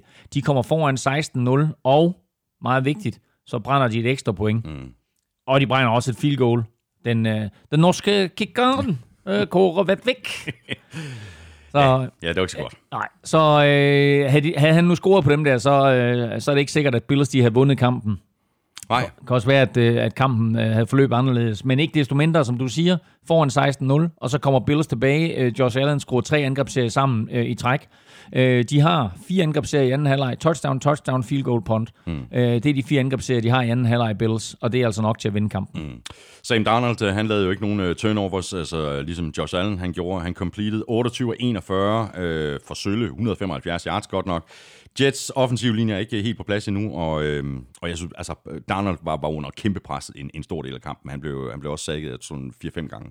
Ja, det, det så ikke godt ud for den offensive linje. Øh, til gengæld vil jeg sige, at øh, på trods af, at den ikke øh, spillede den bedste kamp, så synes jeg faktisk, at Levean Bell så god ud. Ja, ja. Øh, havde to, også touchdown. 92 øh, yards alt i alt, og greb et touchdown faktisk. Og så spillede han faktisk 100% af alle Jets offensive snaps. Så han var på banen øh, på alle snaps, og det er jo det er jo vigtigt faktisk, at man har en running back, som kan spille både første, anden og tredje down. De mm. fleste hold har en running back til første og anden down, og så en, en running back til tredje down. Men, øh, men øh, Le'Veon Bell er altså det her ultimative våben, som kan være inde hele vejen igennem. Bills, de er 1-0. De skal til New York og spille mod uh, Giants. Jets, de er 0-1, um, og de spiller hjemme mod Browns Monday night. Ja, så var det en hurtig tilføjelse. Det er, at den norske kickeren, uh, Gordon Vetvik, han blev faktisk fyret uh, mandag. I, igen? Ja, igen ja. Så en, en, en crazy historie jo, at han, han ser så god ud for Ravens i deres træningslejr, men han kan ikke komme på holdet der, fordi de har Justin Tucker. Mm. Og så er der flere hold, der kæmper om at få fat i ham, og Vikings ender med at give et femte runde pick for at få ham til klubben, og så har han elendig i preseason. De cutter ham. Jets henter ham. Han spiller en kamp, taber første kamp for dem imod Bills. Så cutter de ham, og nu har de så hentet en fyr, der hedder Sam Ficken. Mm. Videre til uh, Cowboys, der gjorde det forventet, uh, slog Giants, uh, og det gjorde de med 35-17, og skal jeg lige love for, at uh, Dak Prescott stemplede ind i forhold til den her kontrakt, uh, som han, han kræver af Cowboys. Vi talte også lige om det indledningsvis. Uh, Elming, han dissekerede jo nærmest det her Giants forsvar. Uh, han kastede fire touchdowns. Ja, man skal lægge mærke til, at de har fået en ny offensiv koordinator, den tidligere quarterback Kellen Moore, Præcis. som øh, der var mange, der var i tvivl om, hvad kan, hvad, hvad kan Kellen? Mm. Men øh, Kellen, han kunne, fordi øh, det angreb, han, han skruede sammen her, øh, og selvfølgelig også øh, dejligt for alle parter at have Ezekiel Elliott tilbage, og Ezekiel Elliott spillede mere, end jeg havde lige havde forventet til betragtning at han kun havde været med klubben i 5-6 dage. Øh, men, øh, men det her angreb, det så rigtig godt ud. Den offensive linje var dominerende. Øh, Ezekiel Elliott øh, havde ikke de der vanvittige store spil, men han var bare en force, mm. og når så forsvaret besluttede sig for at lukke Ezekiel Elliott ned, så var Dak Prescott bedre end nogensinde, og øh, satte jo en Cowboys rekord med øh, ved at, at være øh, perfekt. Øh, 158,3 i passer rating, som jo er det maksimale, man kan opnå. Kastet fire touchdowns, ingen interceptions. Completed 78% af sin kast completed 78% af sin kast, ramte øh, Amari Cooper øh, rigtig, rigtig flot flere gange, øh, og øh, sågar Jason Witten kom jo tilbage og greb et touchdown også, så øh, han, han er tilbage. Og god kamp af Michael Gallup også. Michael, Michael Gallup havde en fantastisk kamp, jeg tror han havde. Syv, syv catches for 150-60 yards. Ja, ja, lige nok, ikke? Så, øh, så en øh, meget, meget solid indsats hele vejen rundt mm. af Cowboys forsvar, eller Cowboys angreb, men også af Cowboys forsvar. Vi så dem ikke helt nok, men jeg synes bare, at der er så mange, vi talte også om det i vores optagsshow, der er så mange positive elementer på det her Cowboys-mandskab. Og mm. med Ezekiel Elliott tilbage, der er det her altså... Når man ser på første runde, og vi kommer til at tale om Eagles lige om lidt, når man ser på første runde, den måde, som Cowboys, jeg vil ikke kalde det ydmyde Giants, men i hvert fald bare stille og roligt pille dem fra hinanden. Og så den måde, Eagles havde problemer med Redskins på. Mm. Vil jeg mærke jo alle fire hold inden for du NFC også, East. Du havde også Eagles over Cowboys, eller jeg havde da Cowboys først? Nej, jeg havde, jeg havde Eagles også, fordi jeg, ja. jeg tror på Men vi var også enige ja. om, at, øh, at, at, at det hold, der skulle udfordre uh, Eagles i divisionen, det, er, det er Cowboys. Helt og vi, jeg tror også, ja. vi taler om, at de kunne ja. godt... Uh, vi, kan godt uh, vi kan godt glæde os til to brag i løbet af sæsonen mellem Eagles og Cowboys. Er du tosset, mand. Hvad siger du til... Uh, altså, Giants-forsvaret, det, det, det så ikke så godt ud. Og hvor, deres brug af Saquon Barkley. Altså, han har jo et, et kæmpe løb på 59, 59 yards på den, tror den allerførste mm, angrebsserie. Mm. Og så derefter, så bruger de ham ikke specielt meget. Altså. Jamen, jeg skrev med et momentometer den her uge, at øh, de skal til at bruge Saquon Barkley noget mere, fordi han, hans gennemsnit per boldberøring i søndags imod Cowboys var 9,25 yards. Yeah. 9,25 yards per boldberøring. Hashtag insanity. Hashtag feed him the rock. Ja, præcis. Pat Shermer. Hvad ja. laver du, mand? Og så øh, se på Eli. Check down, check down, check down, check down. Eli var ikke et problem i den kamp her. Eli spillede en solid kamp. Jeg synes ikke, Eli var et problem. Det mest interessante, det var jo, at da det stod klart, at The Giants ikke, de, de ikke kunne vinde den her kamp, så satte de faktisk Daniel Jones ind. Hmm. Så vi fik Daniel Jones ja. øh, at se i, i første spiluge. Cowboys, de er 1-0. De spiller ude mod øh, Redskins. Giants, de er 0-1, og de får besøg af Bills. Øh, og så fik vi årets første overtidskamp, og oven i købet også årets første uafgjorte. Cardinals Lions endte 27-27. Cardinals var helt nede i sækken. Øh, de var bagud med 17-0 allerede i anden kvartal. De kom så igen til allersidst og pressede altså kampen i forlænget. Øh, Virkede lidt som om, at Lions måske løb tør for, for benzin. Jamen, både og. Altså, øh, der, sker, der sker jo rigtig, rigtig mange ting inden for de sidste par minutter. Øh, for det første, så har Lions jo bolden foran med syv, og, øh, eller der er faktisk, for, de er foran med 8. De har bolden, de er foran med 8. Og så øh, kaster Matthew Stafford en øh, bold ud i højre side, der bliver grebet. Første down, kampen er overstået, Lions vinder. Bortset fra, at offensive coordinator Darren Bevel havde nået at kalde timeout inden, fordi han var bange for det defensive look, som Cardinals de kom med. Mm. Og Stafford er ej, han skriger ud til Darren Bevel, trust me, fordi han havde styr på det spil. Mm. Og det var et suverænt spil af Matthew Stafford. Og så sker der jo det, at øh, de er nødt til at ponte. For de får ikke deres første down. Og så bliver det punt sådan, sådan semi-blokeret, og pludselig så har Cardinals god field position. Og så fuldfører Kyler, the, the, the, the wunderkid, The comeback kid. the, the comeback kid, the wonder kid, uh, Murray, så, så fuldfører han jo det her fuldstændig crazy comeback. Bagud med 20 i, i fjerde kvartal. Uh, han har været elendig i tre quarters. Kæmpe, han, kæmpe, kæmpe han forskel har, på første og anden Han har halvleg. 70 yards ja. i de første tre quarters. I fjerde kvartal, der har han 238 yards og to touchdowns. Uh, rammer på 75 procent af sin kast. Og han fører dem ned. De scorer touchdown. De scorer sågar også øh, two-point conversion, Ja. udligner, kampen går i overtid, Til Christian Kirk. begge hold scorer så et field goal i overtid, mm. øh, og, så, øh, og så lykkes det ikke øh, mandskaberne. Øh, et af mandskaberne trækker sig sejrsrigt ud. Men øh, vanvittig comeback af Cardinals. Øh, vanvittig fjerde quarter af Kyler Murray. Chokerende, at Lions de smider den her. Øh, det må aldrig være sket. Øh, hvis skyld det er. Øh, om det er de, som du siger, at de løber tør for, for benzin, eller Darren Beverly ikke skal kalde den timeout, eller hvad. Men i hvert fald, så er det sådan en kamp her, hvor man sidder... Og øh, det, det, sjove det er, at Lions-spillerne, og det der også er i NFL, det er jo, der er rigtig, rigtig mange af de her spillere i NFL, som jo aldrig har, især de nye spillere, som aldrig har prøvet at spille uafgjort. Mm. Uafgjort eksisterer ikke på high school og college-niveau. Så det der med at spille uafgjort, det forstår de slet ikke. Øh, og der var jo nogle af de Lions-spillere, der sagde, jeg tror Cardinals-spillerne var mere tilfredse med at spille uafgjort, end Lions-spillerne var, men der var jo nogle Lions-spillere, der sagde bagefter, vi betragter det her som nederlag, fordi det her, det er noget, vi skal komme os over. Det her, det her, det var ikke en halv sejr eller et halvt nederlag, det her, det var et nederlag. Ja. Lad os lige øh, runde øh, TJ Hawkinson, øh, tight enden, der øh, jo blev draftet af Lions, jeg mener en 7-8 picks øh, mm. efter øh, Kyler Murray, han mm. blev draftet. Spillede en fremragende kamp, seks grebne bolde for 131 yards. Øh, det meste i øvrigt nogensinde for en rookie tight end i sin, øh, i sin debutkamp. Øh, her er i den grad noget at, at, at bygge videre øh, på øh, for, for Lions og for Matt Patricia. Jo, men altså du, du, du, du, du siger det som om, det er sådan, at i øvrigt, øh, det her det er altså en rekord, der har stået siden 1960. Det præcis- nej, Ikke? så altså, øvrigt, men det er en så hans, hans 131 ja. yards er, er mest siden, øh, siden øh, 1960. Øh, eller det er rekorden, fordi mm. der er ikke nogen, der har haft flere. Nej. Men i 1960, der havde en fyr, der hed Monty Stickles. Han havde 123 yards, så det var altså ham, der holdt, øh, holdt rekorden, og der er kun 8 otte rookie tight ends, der har haft over 75 yards, og øh, TJ Hawkinson, han havde altså 131. Så øh, meget, meget, meget, meget flot kamp af ham, og også i, øh, en flot kamp af den gode gamle Larry Fitzgerald, ja. som, øh, Der bare bliver ved. som griber otte bolde for 113 yards og et touchdown. det her, det var det 117. touchdown i hans karriere, og dermed så ryger han forbi Antonio Gates på øh, 6. pladsen. Øh, Antonio Gates har 116 touchdowns, og så en lille ekstra quiz til dig her, som jeg har fået af, min, øh, af vores gode ven, øh, Jørgen Bak. Hvor mange forskellige quarterbacks har kastet touchdown til Larry Fitzgerald? Uh. Larry Fitzgerald har spillet 16 år i ligaen. Hvor mange forskellige quarterbacks? Det er, slag Det er mange. Det er mange. Slag på det er rigtigt. Jeg- jeg- jeg- Ja, det ved jeg ikke. Øhm, og det er jo med, både med backups og Carsten, der var skadet hele tiden. Mm. Og, øh, bla, bla. Hvor, mange, hvor mange år du? 16 år? 16 år. Ja. Øh, det ved jeg ikke. 11? Jeg skød på 18. Okay.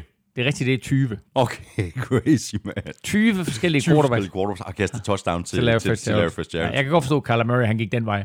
ja, præcis. Og jeg vil bare sige, prøv at høre, han har spillet 16 år i ligaen, og han bliver bare ved med at ofre sig. La- Larry Fitzgerald. Altså, han offrer sig på alle spil. Altså, og så er det, lige, så er det hvad enten, han skal gribe bolden øh, for en første down, eller for tre yards, eller for et touchdown, eller om han skal blokere en modspiller. Mm. Han går all in på Det alle bare. spil. Det. Fantastisk spiller. Fantastisk spiller. Og så sympatisk oven i købet. Altså, det, det, det er vanvittigt. Cardinals, de er 0 og 1, og de skal på en svær opgave ude mod Ravens. Og Lions, de er selvfølgelig også 0 og 1, og de spiller hjemme mod Chargers. I sidste uge, øh, Elming, der talte vi om, at øh, temperaturen i Miami måske øh, kunne få indflydelse på kampen mellem Dolphins og Ravens. Øh, det sagde jeg i hvert fald, øh, men det virkede Der var i hvert fald et hold, der var brandvarmt. han er tosset, mand. Altså, øh, det, øh, temperaturen var ikke noget problem for Ravens. Altså, de ydmygede jo simpelthen Dolphins. Øh, 59-10, 42-10 stod der ved pausen. Lamar Jackson, wow.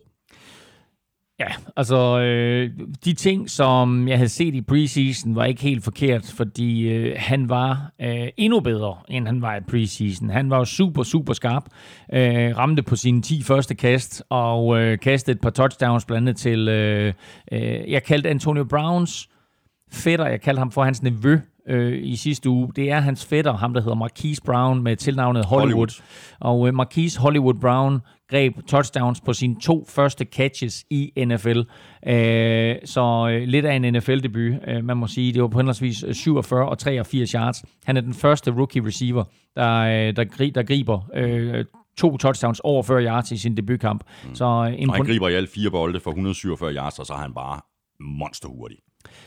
Ja, ja, altså han er, han er blandt de allerhurtigste spillere i NFL. Uh, jeg har set et par kampe med ham, uh, hvor, hvor han ikke rigtig har hænderne skruet rigtigt på, men det havde han da i, i, i den her kamp. Han tabte en enkelt bold, uh, som han måske ikke helt kan lastes, men, uh, men de fire catches kan man i hvert fald ikke tage fra ham. Uh, og de to touchdowns uh, viser han jo også bare, at, at er han først bag ved forsvaret, så er der altså ikke nogen, der fanger ham. Uh, også Lamar Jackson havde en perfekt quarterback rating, 158,3, så øh, vanvittigt sammenlignet med øh, hans øh, statistikker fra sidste år, og som han jo også sagde i, øh, på pressemødet bagefter, altså pr- pretty good for, For running, running back, ja, pretty good for running back, ikke? Exactly. Ja. Så øh, han, han tog lidt pis på pressen, og han tog lidt pis på alt det, der blev skrevet om ham sidste år, at, at han kun kunne løbe, og, ja. og Ravens angreb ikke rigtig havde en quarterback og så videre. Det skal da i den grad love for, at de havde. Nu bliver det så spændende at se. Om det her, det var på grund af, at de spillede mod Dolphins, Præcis. eller om det her angreb virkelig ser så godt ud, og hvis det ser så godt ud, hvor stor en, en del af æren skal Greg Roman så have? Ja, også, også en god pointe. Det har jeg slet ikke tænkt over. Øh, jeg vil sige det på den måde, at hele den offensive stab på det, de har gjort med, med Lamar Jackson, og den måde, de har øh, groomet ham til, til, til den her sæson, og taget ham fra øh, det lidt, øh, hvad skal vi sige, aparte angreb, de kørte sidste år, og så til det her mere konventionelle, men også et angreb, som highlighter nogle af de ting, som Lamar Jackson jo viste i college, at han kunne, fordi Lamar Jackson var en god quarterback i college, og der var jo mange, som mente, at Lamar Jackson var den bedste quarterback, der kom ud af college ja, ja. sidste år. Men han ender altså med at falde ned der til Ravens på øh, i, i slut 20'erne, ikke i første runde. Bliver jo stadigvæk draftet i første runde og så videre. Øhm, men øh, han, øh, han viste alle de kvaliteter, som Ravens havde håbet på, han havde, og som rigtig, rigtig mange tvivlede på, han havde. Mm. Men det her, det var en øh, fornem start på, Ja. øh, på sæson 2 for ham. Ja, det var det. Knap så formand, øh, fornem en, en start var det for Dolphins. Øh, de gik ikke så godt med at kaste bolden, de gad ikke at løbe bolden. Øh, forsvaret tillod øh, 643 yards, øh, vi er absurd meget. Josh Rosen kom så ind i anden halvleg. Første kast, interception. Og nu kører ry- rygterne jo på, at øh, der er en masse af Dolphins-spillere, der, der har kontaktet deres agenter og sagt, hey, kan du ikke lige få mig væk herfra? Kan du ikke skaffe mig en anden klub? Jeg vil gerne trades. Det er helt vildt, ikke? Altså, Altså, det, det, det er nærmest myteri-tendenser, ikke? det, her, det her mandskab, det er jo så svagt besat hele vejen rundt, at øh, der er mange spillere, som gerne vil et andet sted hen, mens det stadigvæk kan lade sig gøre inden for trade deadline. Der er mange spillere, der har set den måde, Antonio Brown tvang sig selv ud af først Pittsburgh og siden Oakland. Det kunne de også godt tænke sig. Og der er mange spillere, der føler, at de er bedre spillere, end de får lov til at vise i Miami. Så derfor prøver de nu på at sige til deres agenter, hey, er der noget som helst, vi kan gøre, for at jeg kan komme et andet sted hen? Fordi det skal være lige nu. Tag mig først. Og ja, og man kan sige det på den måde, at jeg, at jeg forstår dem jo på et eller andet niveau godt. Men det er jo desværre også kommet derhen, at ligesom Antonio Brown, er det her blevet en mig først liga. Mm. I stedet for, at man som i gamle, sag, gamle dage sagde, there's no I in team. Men det er blevet en mig, mig, mig, i stedet for en hold, hold, hold liga. Og jeg kunne godt tænke mig, at man kiggede lidt på det store billede. Og ja, Miami Dolphins tanker, som man siger i gåsøjne, ikke? at det er sådan, at, at de uh, har, har øh, smidt det hele uh, ud i sæson, uh, sæson til næste år, eller om to år, uh, og bare siger, vi skal bare igennem den her sæson. Mm. Trænerstaben gør, hvad de kan, og jeg er da sikker på, at de stiller op hver uge i håb om, at det er sådan, at de kan vinde en kamp, men talent er der ikke. Mm. Lad os nu se, hvad der sker om de på et eller andet tidspunkt får vundet en kamp eller to, eller, eller får konstrueret et eller andet hold, der trods alt er slagkraftigt. For man skal heller ikke tage fejl af, at ja, Dolphins har smidt nærmest alt arvesøllet væk, og, og har øh, øh, lagt en masse draft picks øh, i posen til næste år, og til næste år igen. Men der er stadig, stadigvæk rigtig, rigtig mange gode spillere, og vi har stadigvæk et i NFL, der hedder Any Given Sunday. Ja, ja. Men derfra også til det Miami Dolphins-mandskab, der er stillet på banen i søndags, vil jeg bare sige, det her det er noget af det ringeste, ja. ringeste jeg har set. Men den, den der approach, altså my, my, my approachen, som du lige øh, øh, nævnte, øh, altså det her med, at man stiller sig selv øh, før holdet. Nu talte vi lige om Larry Fitzgerald før. Mm. Der har vi en spiller, som har i, i, i, i mange år, øh, hvor Cardinals de var ringe, der var aldrig noget piveri fra, fra Larry Fitzgerald. Nej, nej. Og han er blevet hængende. Han kunne, have, han kunne selv have søgt væk. Han kunne ja. selv, øh, altså... Men det gjorde han jo ikke. Nej, altså, men- jeg bliver. Ja, og, øh, og det gælder faktisk for mange af de spillere, som igennem årene har været i Cardinals, og for den sags skyld før det i, i Seattle Seahawks, og prøv at tænke på alle dem, der har været i, i AFC East igennem mange, mange år, i, i uh, Bills og Jets og så videre, ikke? Altså, øh, Og Lions. Beng- Bengals, Lions, ja, altså Ba- Barry Sanders blev træt af det, men, ja, men, men ja. det var jo aldrig, det var jo aldrig mig, mig, mig med Barry Sanders, før han trak sig tilbage. Nej, Nej han, han stoppede bare. Han skiftede ikke Ja. Han, Han sagde, nu, nu, nu, nu, nu, nu overgår jeg ikke mere. Ravens, øh, de er 1-0. De spiller hjemme mod øh, Cardinals. Dolphins, de er 0-1, og de får øh, besøg af Patriots. Det skal nok blive underholdende. Så har vi, så har vi øh, Monday Night-kampen mellem øh, Raiders og Broncos. Øh, det blev så til en hjemmesejr til Raiders på 24-16. God og vigtig sejr for Raiders og John Gruden, efter alt det her cirkus, der har været med Antonio Brown. Øhm, og så kan jeg faktisk ikke, jeg kan ikke huske, hvornår Derek Carr har spillet så overbevisende senest. Altså, han, var... han spillede, han spillede pis godt. han var vanvittigt imponerende. Altså, han rammer på, øh, på 22 ud af 26 forsøg. Han kaster til syv forskellige spillere. Ingen af dem hedder Antonio Brown. Han så mega skarp ud. Han så god i lommen. Han, valgte, han tog de rigtige beslutninger. Hans evne til at finde øh, Tyrell Williams, den nye receiver, ja, der kom ja. til for Chargers, ja. og så øh, tight end øh, Darren Waller, øh, så også øh, fornemt ud. Så jeg synes, der var rigtig, rigtig mange gode ting øh, at sige om den her offensive indsats. Josh for, Jacobs. for, for, for, for Raiders og Josh Jacobs scorer to touchdowns. Min, min favorit til, ja. til uh, offensiv rookie of the year. Ja, det jeg, sige, jeg, ja. jeg er glad for, at jeg har sat penge på ham. Odds 9 gav han på det tidspunkt. Ja. Øh, det, det kan godt gå hen og blive en god investering. Josh Jacobs havde over 100 yards og to touchdowns. Hvem var den sidste spiller, der havde det i sin debutkamp i NFL? Pas. LaDainian Tomlinson Oh, i 2001. Ja. ja, så langt skal vi faktisk tilbage. Ja. Og her snakker vi vel at mærke, øh, vel at mærke hvad hedder det, øh, øh, running backs. Ja, ja, det er klart. Så, men øh, ja.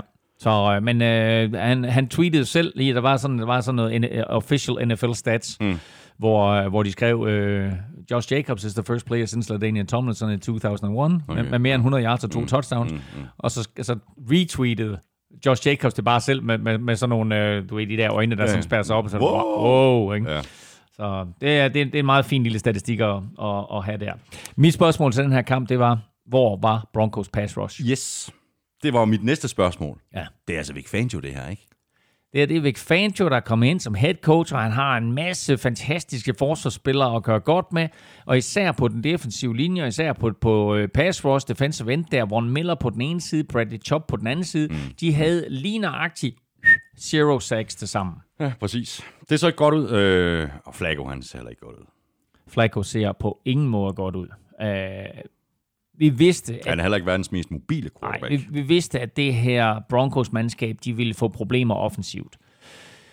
De har en meget god running back duo, som uh, til tider havde et par store spil, men altså så snart der skulle kaste, så man, man, man stolede jo ikke på Flacco på noget tidspunkt. Mm, mm. Så Raiders forsvar så langt bedre ud end Broncos forsvar, og Cleveland Farrell, uh, Raiders uh, rookie defensive end, der, som de to med pick nummer 4, han uh, ender faktisk med at få sit første sack, og dermed så har Cleveland Farrell på nuværende tidspunkt flere sacks i det indeværende NFL-sæson, end Von Miller og Bradley Chop til sammen. Præcis. Raiders, de er 1-0. De spiller hjemme mod Chiefs. Broncos, de er 0-1, og de spiller hjemme mod Bears. Og så kan vi lige smide et uh, hurtigt spiltip ind her, fordi uh, nok så spiller Raiders hjemme igen, som du siger, uh, på, uh, på søndag. Men modstanderen, det er altså divisionsrivalen for Kansas City Chiefs. Og selvom Raiders så godt ud i den her kamp, så tror jeg, at uh, der er, det er en kvalitetsmodstander det her, og uh, at forskellen på de to mandskaber er for stor til, at uh, Chiefs de smider den. Uh, der er 1,28 på, at Chiefs de vinder den her kamp mm. over Raiders på udebanen. Det synes jeg bare, man skal spille. Det skal man spille, og det kan simpelthen kun gå for langsomt. Touchdown. Wow! Ugen spiller præsenteres af Tafel. Yes, så er vi øh, halvvejs gennem kampene. Det betyder, at vi er fremme ved ugens spillerkonkurrence. De nominerede var Sammy Watkins, Lamar Jackson, Austin Eckler og Dak Prescott. Vi begynder nedefra med Eckler. Han fik øh, 7% af stemmerne. Dak Prescott fik 12%. Watkins fik 19%. Og det betyder, at der er 62% af lytterne, der har stemt på øh, Lamar Jackson. Claus, øh, du kender proceduren. Vi skal have fundet en vinder af en hulens masse taffelchips. Du er... Lykkens gudinde. Jamen, øh, vi ser. Jeg trækker et navn her. Uh, jeg fik to op. Uh, det er spændende. Høj, højre eller venstre? Øh, den, du har inderst. Den, jeg har inderst. Godt, så slipper den der. Ja, den der. Den der. Godt. Og så blev det Lamar, not bad for a running back. Nej, det var not bad for a running back. Det var ikke pretty good for running back. Det var not bad for a running back Jackson. Og vi skal et smut til Roskilde og en fyr, der hedder Philip. Stort tillykke til dig, øh, Philip Holm Pedersen. Øh, jeg øh, sender din, dit navn og adresse videre til MVP, Christina, der så sørger for, at øh, du modtager en øh, kasse med en øh, hulens masse taffelchips. Så hvis øh, du også gerne vil være med i den her kamp om sådan en kasse med chips for taffel, så tjek øh, NFL-showet på Twitter hver tirsdag, hvor Elming og jeg nominerer tre spillere. Så kan du stemme på din favorit på mail ved at skrive dit øh, bud i emnelinjen og i øh, selve mailen.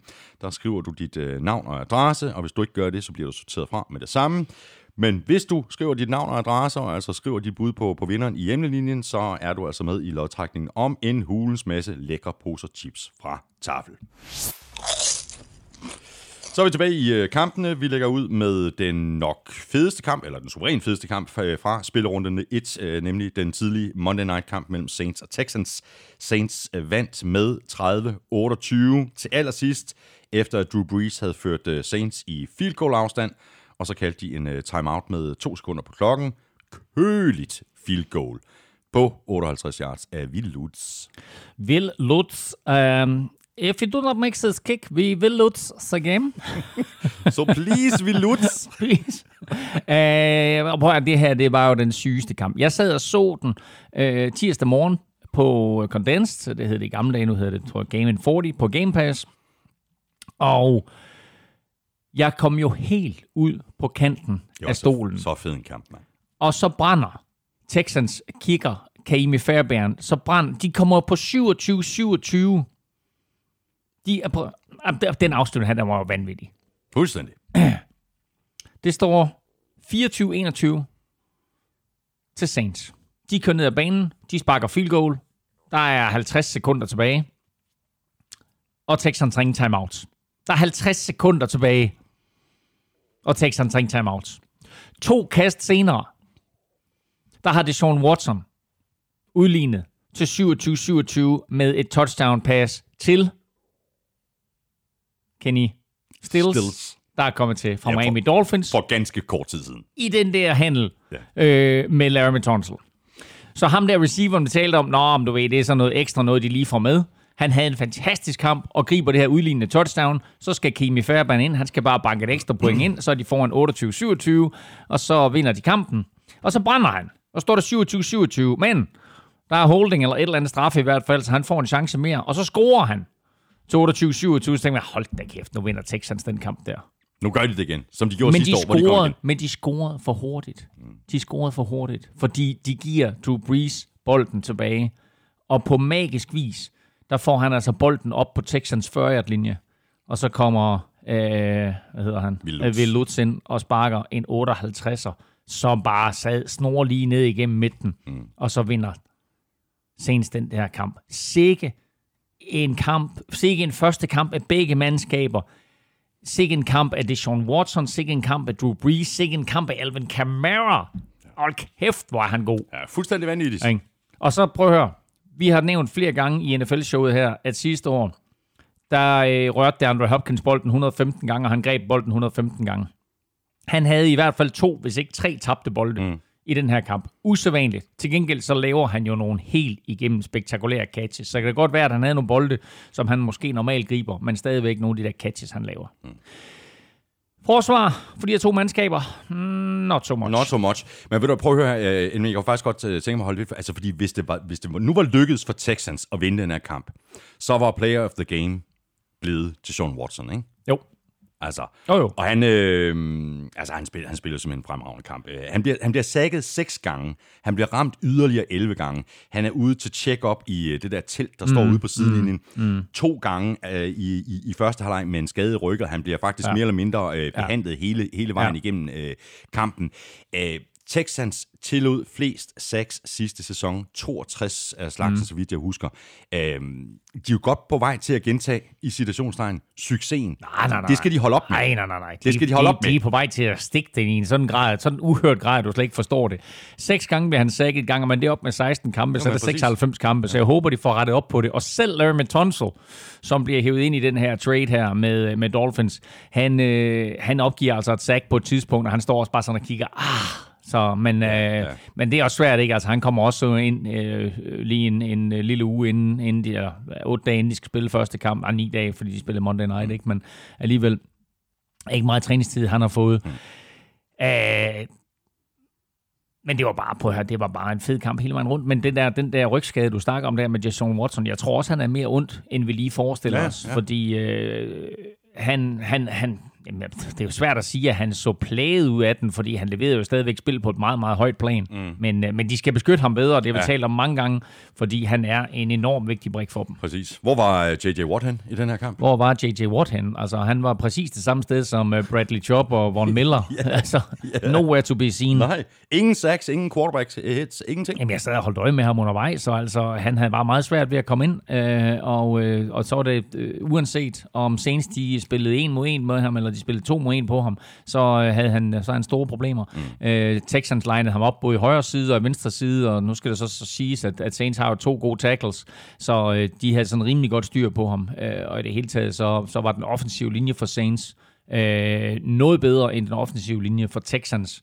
Øh, Ja, Breeze, Breeze, Breeze bliver kun sækket en enkelt gang. Reese bliver sækket en enkelt gang, og der bliver lavet store huller, både til Latavius Murray og til Alvin Kamara. Og øh, fedt, vil jeg sige, at se Latavius Murray få så mange carries, som han gør, og se ham så eksplosiv, som han var. Øh, han er en vigtig tilføjelse til det her mandskab her, i håbet om ligesom at variere spillet og få spredt bolden ud på flere personer, således så det hele ikke skal ligge på Breezes arm, mm. og det hele ikke skal ligge på Camaras øh, ben, fordi Camara kan også være sådan en person, der får lidt for mange tæsk i løbet af en sæson. Mm. Men altså, han har nogle spil undervejs, Camara, hvor han bliver ramt to-tre gange og får spundet sig ud af taklinger og får øh, altså plantet øh, på, på, på højre ben og nærmest sådan hopper fra højre ben over til venstre ud af en takling. Altså at se ham spille er bare... Jeg synes, altså, det, det er sjovt at se ham spille, ikke? Mm. Ja, fantastisk spiller.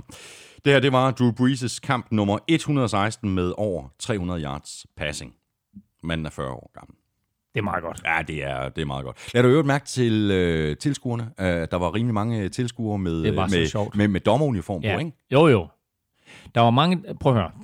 Breeze, eller Breeze, hvad hedder Saints fans, øh, og for den sags skyld så også øh, lo- lo- lo- lokale forretningsmænd, og ikke mindst en advokat i, i New Orleans, har været vanvittigt utilfreds med den her afgørelse med Rams sidste år, der mm. gjorde, at Rams kom i Super Bowl, og Saints blev snydt. Så der var rigtig mange fans, der troppede op i dommertrøjer, for ligesom at vise, øh, at øh, enten, enten står de på dommernes side, eller også så Det modsatte. var de ikke. Men dommerne er jo faktisk lige ved at koste Saints sejren. Har du, har du læst op på det her, den her vanvittige situation, med, med, med, med den måde, de håndterede tiden på, øh, efter Breeze får bolden tilbage? Da, da det Sean Watson og Texans, de scorer, der får Breeze bolden tilbage, og han kører bolden ned ad banen, og så kaster han en out til, øh, hvad hedder han, øh, Øh, hvad hedder han? Hvad hedder super receiveren? Michael, Michael Thomas. Michael Thomas, for fanden. Sad med Michael Lewis ind i hovedet. Nå, Michael Thomas. Michael Thomas griber bolden. Og så vælger dommerne at se det her spil igennem, for om der var første down eller ikke første down. Mm. Da de vælger at se spil igennem, om der er første down eller ikke første down, der er klokken nede på 26 sekunder. Og der skal de så trække 10 sekunder fra, for det skal man inden for de sidste to minutter, eller måske inden for de sidste minut, når man sender noget igennem. Mm. Så skal de trække 10 sekunder fra, så der ryger den fra 26 ned på 16. Til stor frustration selvfølgelig for, for, for Breeze og tilskuerne, men alle sad og tænkte, om det er, jo, det, er jo, det er jo sådan reglerne er. Men reglen er faktisk sådan, så hvis de vælger at sætte igennem der, så skal de gøre det for det tidspunkt af, hvor Michael Thomas han bliver taklet. Det vil sige, der var 41 sekunder tilbage. Mm-hmm. Så i stedet for at trække 10 sekunder fra 26, så skal de trække 10 sekunder fra 41. Kæmpe forskel. Ikke? På det tidspunkt var det en kæmpe forskel. Nu ender det ikke med at komme til at betyde noget, men var Saints nu blevet snydt igen? Altså ramaskrig, dommer, Ja, ja, skandale tosser, mand. i spil u 1, ikke? Ja, du tosset. Saints de er 1-0. Øh, De skal til LA og spille i Brav af en kamp mod Rams. Øh, Der kan man da virkelig tale om øh, et revanceopgør. øh, Meget i, i tråd med det, vi lige har siddet ja. og talt om her. Og Texans, de er 0-1, og de øh, får besøg af Jaguars. Så skal vi til alles darling før sæsonen. Browns, øh, de kom øh, alvorligt ned på jorden allerede her i første spillerunde. De tabte med 43-13 til Titans på hjemmebane. Øh, det begyndte altså meget godt øh, med et 73-yard åbningsdrive, der endte med touchdown. Derefter ikke så godt. Nej, og det var hele vejen rundt. Det var angrebet, der ikke klikkede. Det var Baker Mayfield, der ikke var skarp. Det var øh, forsvaret, som var øh, alt for nemt at flytte bolden imod. Og så var det en af de helt store svagheder, som vi talte om i vores optagsshow, nemlig den offensive linje for Cleveland Browns. De har så meget talent, både på forsvaret og på skill positions på angreb. Når man siger skill positions, så er det running back og receiver, alle der håndterer bolden. Men den offensive linje, der har de mistet mere, end de har fået ind inden mm. den her sæson, og de har mistet for eksempel en fyr som Kevin Seidler, som har været vigtig for dem. Og Baker Mayfield var under alt for meget pres, ja. og det var for svært for dem at løbe bolden, selvom de til tider øh, gjorde det okay med, med, med Nick Chubb, øh, med flere. Men det her kan blive deres, deres akilleshæl, mm. at den offensive linje ikke er god nok. Og så var de øh, ekstremt udisciplinerede, ikke? Alt, alt, alt for mange penalties. 18 penalties til, øh, til Browns, det er, øh, det er flest siden Browns kom tilbage til Cleveland, og det var flest i de oprindelige Browns' historie også tilbage til var det 1960 eller sådan noget, ikke? Altså, 182 yards mistede de på de her 18 Ja. ja. penalties, ikke? ja. Jamen 182 yards, ikke? Altså hvis du siger, at det gennemsnitlige drive er på 70 yards, ikke? Så er det her, det er, det er to og et halvt drive, hvis du siger det, det er 17 point. Nu må vi se, hvad de gør i, i Cleveland. Øh, hvis det her hype train ikke skal ryge øh, fuldstændig af sporet øh, for Mayfield og for øh, Freddie Kitchens, altså, så er det jo nærmest en must-win-kamp øh, ude mod øh, Jets Monday Night, ikke? Altså hvis de starter med at tabe de første to. beslutningen om at gøre Freddie Kitchens til head coach, er jeg meget i tvivl om lige nu. Vi har vendt og drejet det NFL-show. Var det den rigtige mand? Ja, han havde en fantastisk kemi med Baker Mayfield sidste år. Men skulle man have ladet den kemi blive bevaret, og så have haft en mand ind på toppen mm. til at håndtere head coach ansvaret. Præcis. En mand med head coach erfaring, eller i hvert fald bare co- mere coach erfaring på NFL-niveau end Freddie Kitchens. Er Freddie Kitchens manden, der skal styre hele det her Browns-mandskab? Eller er han bare manden, der skal sørge for, at Baker Mayfield ligner den der young stud, som han gjorde sidste år? Det her var en katastrofestart for Cleveland. I sandhed. Det var på hjemmebane. Det var foran et forventningsfyldt publikum. Et publikum, der ikke har været mere forventningsfyldt i de 20 år, hvor Cleveland har været tilbage i, øh, i eller hvor Browns har været tilbage i Cleveland. Det her, det var en katastrofe. Det her, det var pinligt, det var ydmygende. Det blev et kæmpe nederlag, selvom det selvfølgelig blev større, end det burde have været, på grund af en interception, der blev returneret for touchdown, og det gik lidt stærkt til sidst i fjerde kvartal, da Browns forsøgte at komme tilbage. Men det her, det var... Men det fortæller jo også en historie, Elming, at det her med, at det, at det får lov til at smuldre, ikke? Men i det mindste ved Odell Beckham Jr., der hvad klokken er. Ja, også, mens, det- også mens han spiller fodbold. Ja, det er rigtigt. Han løber rundt med et ur til 350.000 dollar, Ja, mens ja. han spiller fodbold. Ja, Nå, var, det, var det 350.000 dollars? Det, det er... Jeg, føler, Ja, mig jamen, jeg, jeg, tror, jeg tror bare, jeg læste det som 350.000 kroner, men okay, hvis det var dollars, så det fuldstændig vanvittigt. Ja. Ja, det mener jeg. Jeg mener bestemt, Ja. det er 350.000. Uh, vi talte om, at, uh, vi talte om, at uh, det her det var uh, slut med uh, Ex- Exotic, og det kun var Smash Mouse, og det var det da i den grad, fordi det var Derrick Henry show. Ja. Uh, han greb, uh, han rørte bolden 20 gange, og uh, havde jo blandt andet et screen pass, som han tog 75 yards uh, til touchdown. Mm.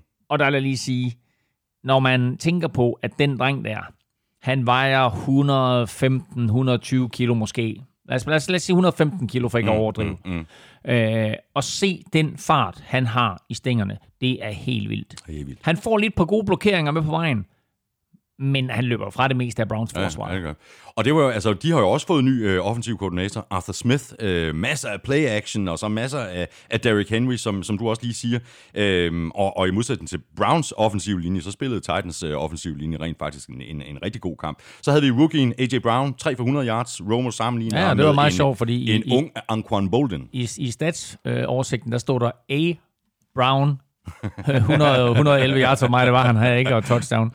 Så, men det var ikke den A. Brown, det, her, det var AJ Brown, uh, rookien. Uh, ja, så en, en fremragende start på karrieren for ham, og så skal vi også bare lige vende tilbage til december sidste år, og se på, at det her Titans-mandskab jo lige var mega tæt på at knibe sig med i slutspillet. De spillede faktisk godt forsvar, og Derrick Henry fik vi kan vel godt tillade os at kalde det det store gennembrud, fordi lige pludselig så var der ikke noget øh, exotic omkring ham, øh, og ikke noget dash. Det var ren smash. Mm. Ikke? Øhm, så nu her fortsatte de på de takter, som de viste i december. Mm. Virkelig godt forsvarsspil. Ondt forsvarsspil. Brutalt forsvarsspil. Øh, og så et angreb, som egentlig til tider så ret eksplosivt ud. Det var ikke alt, der var lige godt, de foretog sig. Men Derrick Henry var omdrejningspunktet, og Mariota så faktisk okay ud. Ja, og så er det godt for Mariota at have Delaney Walker tilbage, efter han sad ud stort set hele sidste sæson. Altså, han griber altså to touchdowns, ikke? Fem grebne bolde, to Præcis. touchdowns. Lige nøjagtigt. Han er money, Delaney Walker. Jamen det er han. Det var, øh, det var en, en, en virkelig, virkelig stor kamp af ham. Øh, og øh, til sidst vil jeg bare lige sige, det er nok lidt min skyld, at Tennessee vandt. Fordi et, havde jeg jo i vores AFC-optagsudsendelse taget en Exotic Smash Mouse trøje på. Og to, i søndags, der havde jeg på drenge til fodbold. Og der lavede jeg fried chicken Tennessee style. Uh, det kunne jeg jo nøjagtigt lige så godt have jinxet dem. Ej, nej, det, det, jeg jinxer ikke længere. Det er slut med at jinxe. The element curse is over. yeah, right. Men øh, jeg sad sammen med øh, jeg sad sammen med faktisk et par par øh, hvad hedder det øh, podcast KFA. Jeg sad sammen med Kim Plesner fra Velropa podcast, som jeg laver sammen med ham. Ja. Så sad jeg sammen med med, med Christian Volny fra øh, hvad hedder det? Fodboldministeriet. Fodboldministeriet. Og øh, da Christian han fandt ud af det her med, at Tennessee de vandt, efter jeg havde lavet øh, fried chicken Tennessee-style, så spurgte han, han, han Giants-fan, så sagde han, kan du ikke lave noget New York med resten af sæsonen? Det kommer ikke. Christian Volney, forget about it. Det kommer ikke til at så hjælpe bliver, Giants. ah, lad os nu se, lad os nu se. Titans, de er 1-0. De spiller hjemme mod Colts. Browns, de er 0-1, og de spiller ud mod øh, Jets, så det gør de Monday Night. Chiefs vandt med 40-26 ud over Jaguars. Øh, Det tog ikke mere end øh, tre offensive spil fra Chiefs. Så var der touchdown, og så var vi alle øh, mere eller mindre mindet om, hvad øh, det er, Pat Mones øh, han kan. Når ja, og hvad Sammy Watkins øh, han kan. Altså en kort bold ind over midten, og så ellers øh, 68 yards. Bum. Ja, og det var det første af hans tre touchdowns. Sammy Watkins, øh, hans største dag som øh, NFL-spiller. Han var jo en fantastisk spiller, da han kom ud af college. Jeg elskede ham, og han blev jo draftet som øh, den første af alle de her receiver, også foran Odell Beckham Jr. i, hvad var det, 2000 og, hvad var det, 13? Var det ikke sådan, det var? 13-14 stykker. Øhm, og øh, han blev draftet nummer 3 af Buffalo Bills, og slog aldrig helt igennem. Var også en helt del skadet og så videre. Øh, er kommet til Chiefs nu, og så får han en kæmpe kamp her. 198 yards, tre touchdowns, hjulpet lidt på vej selvfølgelig af, at Tyreek Hill bliver skadet, mm. øh, og så pludselig så er, er han første receiver.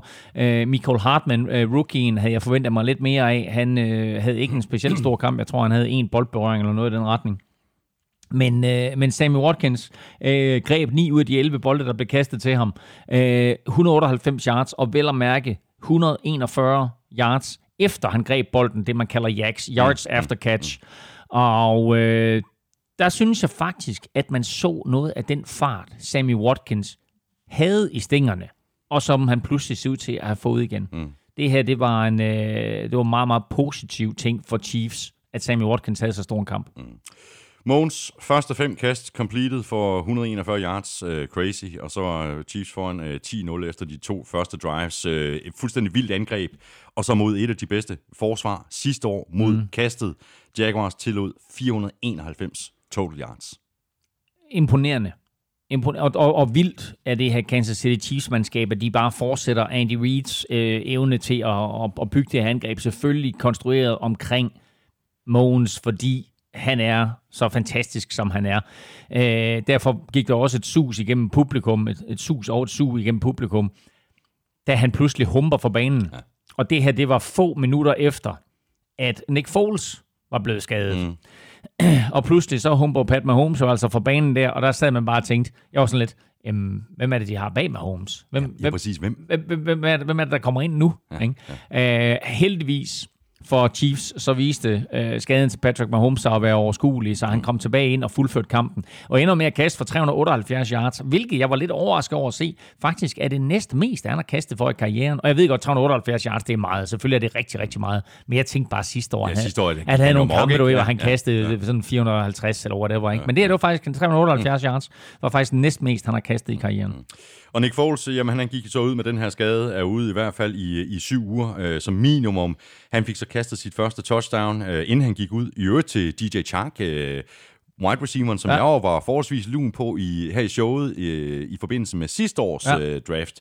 Øh, jamen altså, situationen er ikke optimal for, for, for, for, for Jaguars med, med skaden til Nick Foles. Øh, men omvendt, vi taler også om ham, øh, Minshew. Øh, Who? lidt, Minshew. Min, min, Minshew.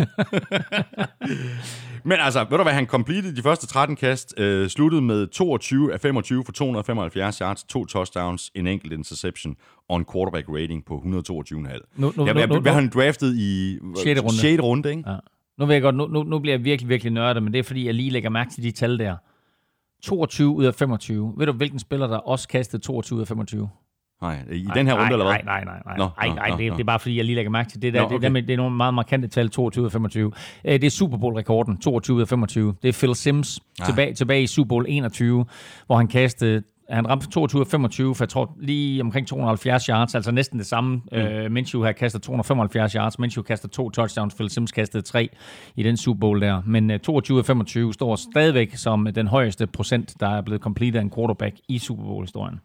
Men uh, det ser ud til, øh, altså igen, det er ikke optimalt, at uh, Nick Foles øh, er, er, væk i, i den første halvdel af sæsonen, men her har de noget at arbejde med, ikke? Jamen prøv at forestille dig, du bliver kastet ind, du er 6. runde pick, så bliver du kastet ind, fordi superstjernen, Super Bowl MVP, Nick Foles bliver skadet, så starter du med at ramme på dine 13 første kast. Vildt. De 13 første kast, Minshew han kaster, de bliver grebet af en holdkammerat. Det er den længste stime til at starte en karriere i, øh, i over 40 år. Øh, eller de 40 år, hvor det sådan, man holdt øje med den her. Mm-hmm. Øh, Brad Johnson, øh, den tidligere Super Bowl-vindende quarterback for Tampa Bay Buccaneers, var, var bedst før det øh, i 1994 for Minnesota Vikings, hvor han ramte på 9.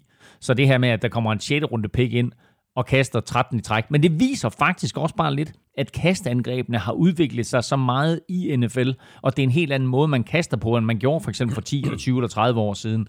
Så det er selvfølgelig nemmere, men det er stadigvæk NFL det her. Og vi så for eksempel at Nathan Peterman blive kastet for løverne sidste Ja, år, og, og kaste fem interceptions i første halvleg. ja, præcis. Ham her, ikke? 22 af 25, kaster en enkelt interception, men kaster også to touchdowns og holder Jaguars til dels inde i kampen. Ikke? Ja, meget fornemt.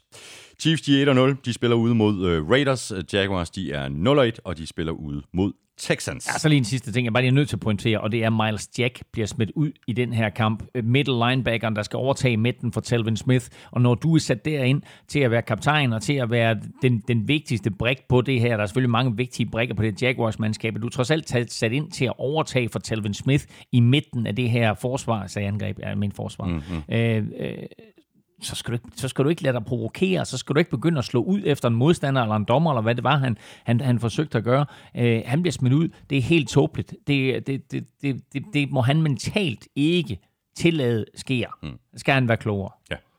Så til kamp mellem øh, Chargers og Colts, øh, som Chargers sad på, indtil Colts øh, gjorde det spændende og tvang den i øh, forlænget. Chargers endte med at øh, trække det længste strå med en øh, sejr i overtiden på 30-24.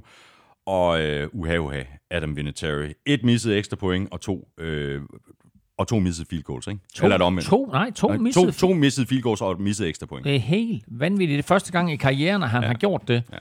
Han er også gammel. Er det ved at være slut? Jamen, som jeg skrev i øh, mit momentometer, øh, Colts kicker brændte to field goals og et ekstra point. Jeg tror ikke, han får en lang karriere i NFL. men, men øh, Er der nogen, der svarer dig? ikke Han har da haft en lang, han har da haft en det, lang det, det, skal, det skal nok komme. Øh, 46 år gammel, og det kan godt være, at det er... Men han, han er jo iskold i omklædningsrummet bagefter, fordi der er selvfølgelig øh, journalister henne. Altså, jeg har været i en del NFL-omklædningsrum øh, nu her, hvor kicker og ponder, der er jo ikke en journalist i nærheden. Der er kun journalister i nærheden af kicker og ponder, hvis de har lavet ja. enten øh, en game winner ja. eller noget lort. Ja. Og her var der simpelthen en ring af journalister udenom Adam Vinatieri, og Adam Vinatieri, han er iskold, han siger, jamen jeg ved godt, I alle sammen lige nu gerne vil have mig fyret, men det er hverken op til jer eller op til mig, det er op til vores general manager, og det bestemmer han. Hmm. Så øh, der er, der er en, en lille beslutning, der skal tages i, i Coles her de kommende dage, men øh, vi har set øh, andre kicker, andre solide, erfarne kicker have problemer, hvor holdet øh, står ved dem, og det tror jeg også, at Coles gør, hvis medmindre han bummer den en gang mere. Så kan vi vist øh, tage en lille snak omkring øh, Melvin Gordon, om han har bummet den. Øh, fordi der var der i hvert fald lige en, øh, en anden running back, der benyttede sig af chancen. Austin Eckler, vi øh, havde ham også øh, nomineret til, til ugens spiller. Sikke en kamp. Øh, han afgjorde kampen jo i, i øh, overtid, og han havde bolden i hænderne 18 gange, 154 yards og tre touchdowns. Sådan. Altså ikke ligefrem, fordi man sad og savnede Melvin Gordon, vel? Nå, nej. Han er øh, undrafted for tre år siden. Austin Eckler har, har været en del af det her mandskab hele vejen igennem, og har øh, i alle årene leveret store spil hister her, men har altid stået i skyggen af Melvin Gordon. Og ja, Austin Eckler er bedre på ydersiden. Øh, eller er bedst på ydersiden, ikke bedre end Melvin Gordon, men, men hans øh, force er ydersiden, hvor Melvin Gordon måske nok er bedre mellem de to tackles og, og, og kan lidt mere, mm. men altså savner Chargers Melvin Gordon. Lad mig sige det på den måde. Austin Eckler, han får 645.000 dollars i år. Melvin Gordon, han vil have 12 millioner. Jeg ved godt, hvis jeg var GM, hvem jeg ville vælge. Prøv at høre. Det her, altså Melvin Gordon, han har, han, han har, han har siddet, du ved det, han er startet derhjemme med, med fødderne op på bordet, og måske et lille glas champagne i hånden, og, Nu skal jeg rigtig, og, og, skal jeg rigtig sidde og se det her. og telefonen ved siden af uge, hvornår ringer de? Og så har han endt med det der glas champagne smadret et eller andet sted, og hovedet ned mellem knæene, fordi det her, det var en katastrofe, Katastrofe. for hans forhåbning om at få en kæmpe kontrakt. Jeg læste et eller andet sted, han, øh, han regner med at komme tilbage til Chargers i løbet af en 6-8 uger, og så må vi se, hvad de, hvad de stiller op, ikke? Mente du 6-8 dage, eller hvad? Nej, 6-8 uger. Ja, jeg ved det godt, men altså... det her, det er... Altså, de, lige nu, efter den her kamp, der kan de være bedøvende ligeglade med Melvin Gordon. Fuldstændig. Og så ved jeg endnu godt, mere, og endnu så mere ved jeg godt, de var i forvejen. Det er én kamp. Ikke? Men de har også den ækler, og så har de en, øh, en ung fyr, øh, som hedder, eller jeg ved han, Justin Jackson, jeg ved ikke om Josh Jackson, men Justin Jackson. Øh, han rører altså kun bolden fem eller seks gange i den her kamp. Der var mange, der, der regnede med, at de to ligesom Skulle skulle, skulle dele ævret, men altså det her, det var Austin Eklers kamp, og øh, scorer to touchdowns i normal spilletid, og afgør kampen i overtime med endnu et touchdown, så øh, naturligvis hans første tre touchdown-kamp, men altså... Øh, det her var en, en super god kamp for ham. Det var en vigtig sejr for Chargers, fordi Chargers jo i al den tid, vi har lavet NFL-showet, altid har været i den her slags kampe, og især i september, Ja, og, og, og tabt dem. Jeg har tabt dem, ja. Så det her kunne være et år, der er lidt forskelligt fra alle de andre Chargers år. Mm. Nemlig, at nu er de i den her slags kampe, og så vinder de dem. Hvem ved? Hvad er det, Philip Rivers' år? Ja, han spillede i hvert fald også en god kamp. Det gjorde han da. Ingen rust, altså 25 og 34 for 333 yards, tre touchdowns, og så favoritmålet, Keenan Allen, han fik øh, 8 bolde, så vidt jeg husker, øh, for et godt stykke over 120 yards og et touchdown. Og hans, Philip Rivers' tro på og tillid til, at Keenan Allen han griber bolden, blev vist på, jeg tror det var det første touchdown, Keenan Allen han scorede, hvor Philip Rivers under tung pres, så hugger han den bare ned i endzonen, og der er Keenan Allen alene med to mand. Altså, ja, han er alene, men med to mand omkring sig. Mm. Keenan Allen op blandt de to der, hiver bolden ned stille og roligt TD. Eller ej, jeg tror faktisk, at han blev taklet på 1 linje gjorde han ikke det. Men, men i hvert fald på mållinjen griber han den. Men altså, det, det var sådan et play, hvor man bare alle andre quarterbacks, man tænker, nej, nej, nej, hvad laver du? Ja. Men uh, Keenan Allen, han reddede sin quarterback der. God start også for uh, Jacoby Brissett. Uh, 21 af 27 for 190 yards og to touchdowns. Altså man vil sige, at uh, han og så T.Y. Hilton og, og Marlon Mack uh, holdt Colts ind i den her kamp. Jeg så en sjov statistik inden søndag. Og det var, at af alle de quarterbacks i NFL, der har kastet over 500 bolde i karrieren, der er Jacoby Brissett den quarterback, der har den mindste interception procent. Han øh, har på alle kast, øh, han har kastet en interception procent på, jeg tror det var 1,97. Det var lavest af alle. Mm. Og igen i den her kamp, han er stensikker i alt, hvad han foretager sig. De har en rigtig, rigtig god quarterback i Jacoby Brissett, og noget, som skete umiddelbart efter, vi havde optaget i sidste uge med NFL-showet, det var jo, at Cole sikrede sig ham i øh, de her to år, hvor de ved, der ikke er strække, mm. øh, og gav ham 30 millioner dollars. Øh, så han fik altså også lige en kæmpe kontrakt her for de næste to år. Man var bare sådan lidt, what? Hold da kæft. Øh, så det viser jo, at det her det er ikke bare en overgangsperson, men at de i kulissen har haft en, en øh, backup quarterback, som de var meget, meget godt tilfreds med. Og da Andrew Locke, han så øh, desværre selvfølgelig trækker sig tilbage, så er det ikke sådan, at de panikker. Nej, de nej. ved, hvad de har. Ja, ja. Ikke? Og så har han jo endda, som vi også talte om i optagsudsendelserne, så har han jo fået lov til at spille i preseason-kampene. Han er jo den af alle startende quarterbacks, Ja, der har spillet mest. mest. Ja, ja. For han var jo backup. Ja. Men det er han så ikke længere. Nej, og jeg synes, han spiller en rigtig god kamp. Og Cole skal ikke være helt skræmt. De skal være lidt skræmt over, hvad der skete med Darius Leonard, fordi øh, han blev skadet og gik ud øh, kom tilbage ind, og jeg har, jeg har faktisk lige prøvet at finde ud af, hvad der helt præcis er sket med ham. Jeg kan ikke finde ud af det. Nu er det onsdag i dag, og jeg har ikke øh, kunne få en endelig melding på, hvor slemt det står til med ham.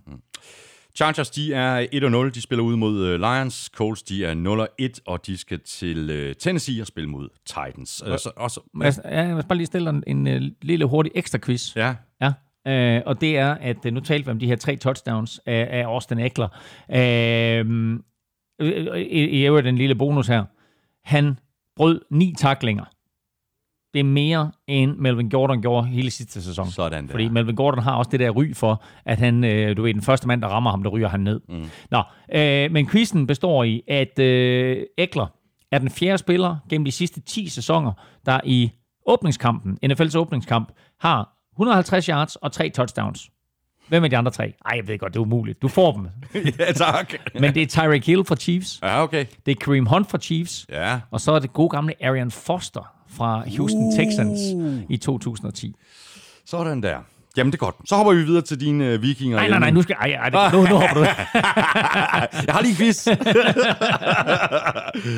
Nå, den her kamp, øh, Vikings Falcons, øh, den var jo reelt øh, afgjort ved pausen, øh, og den endte med en øh, sejr til Vikings på 28-12. God start for Vikings defensiv. Allerførste spil sack, og senere et øh, blokeret punt, og så var den øh, kamp ligesom i gang. Det var en...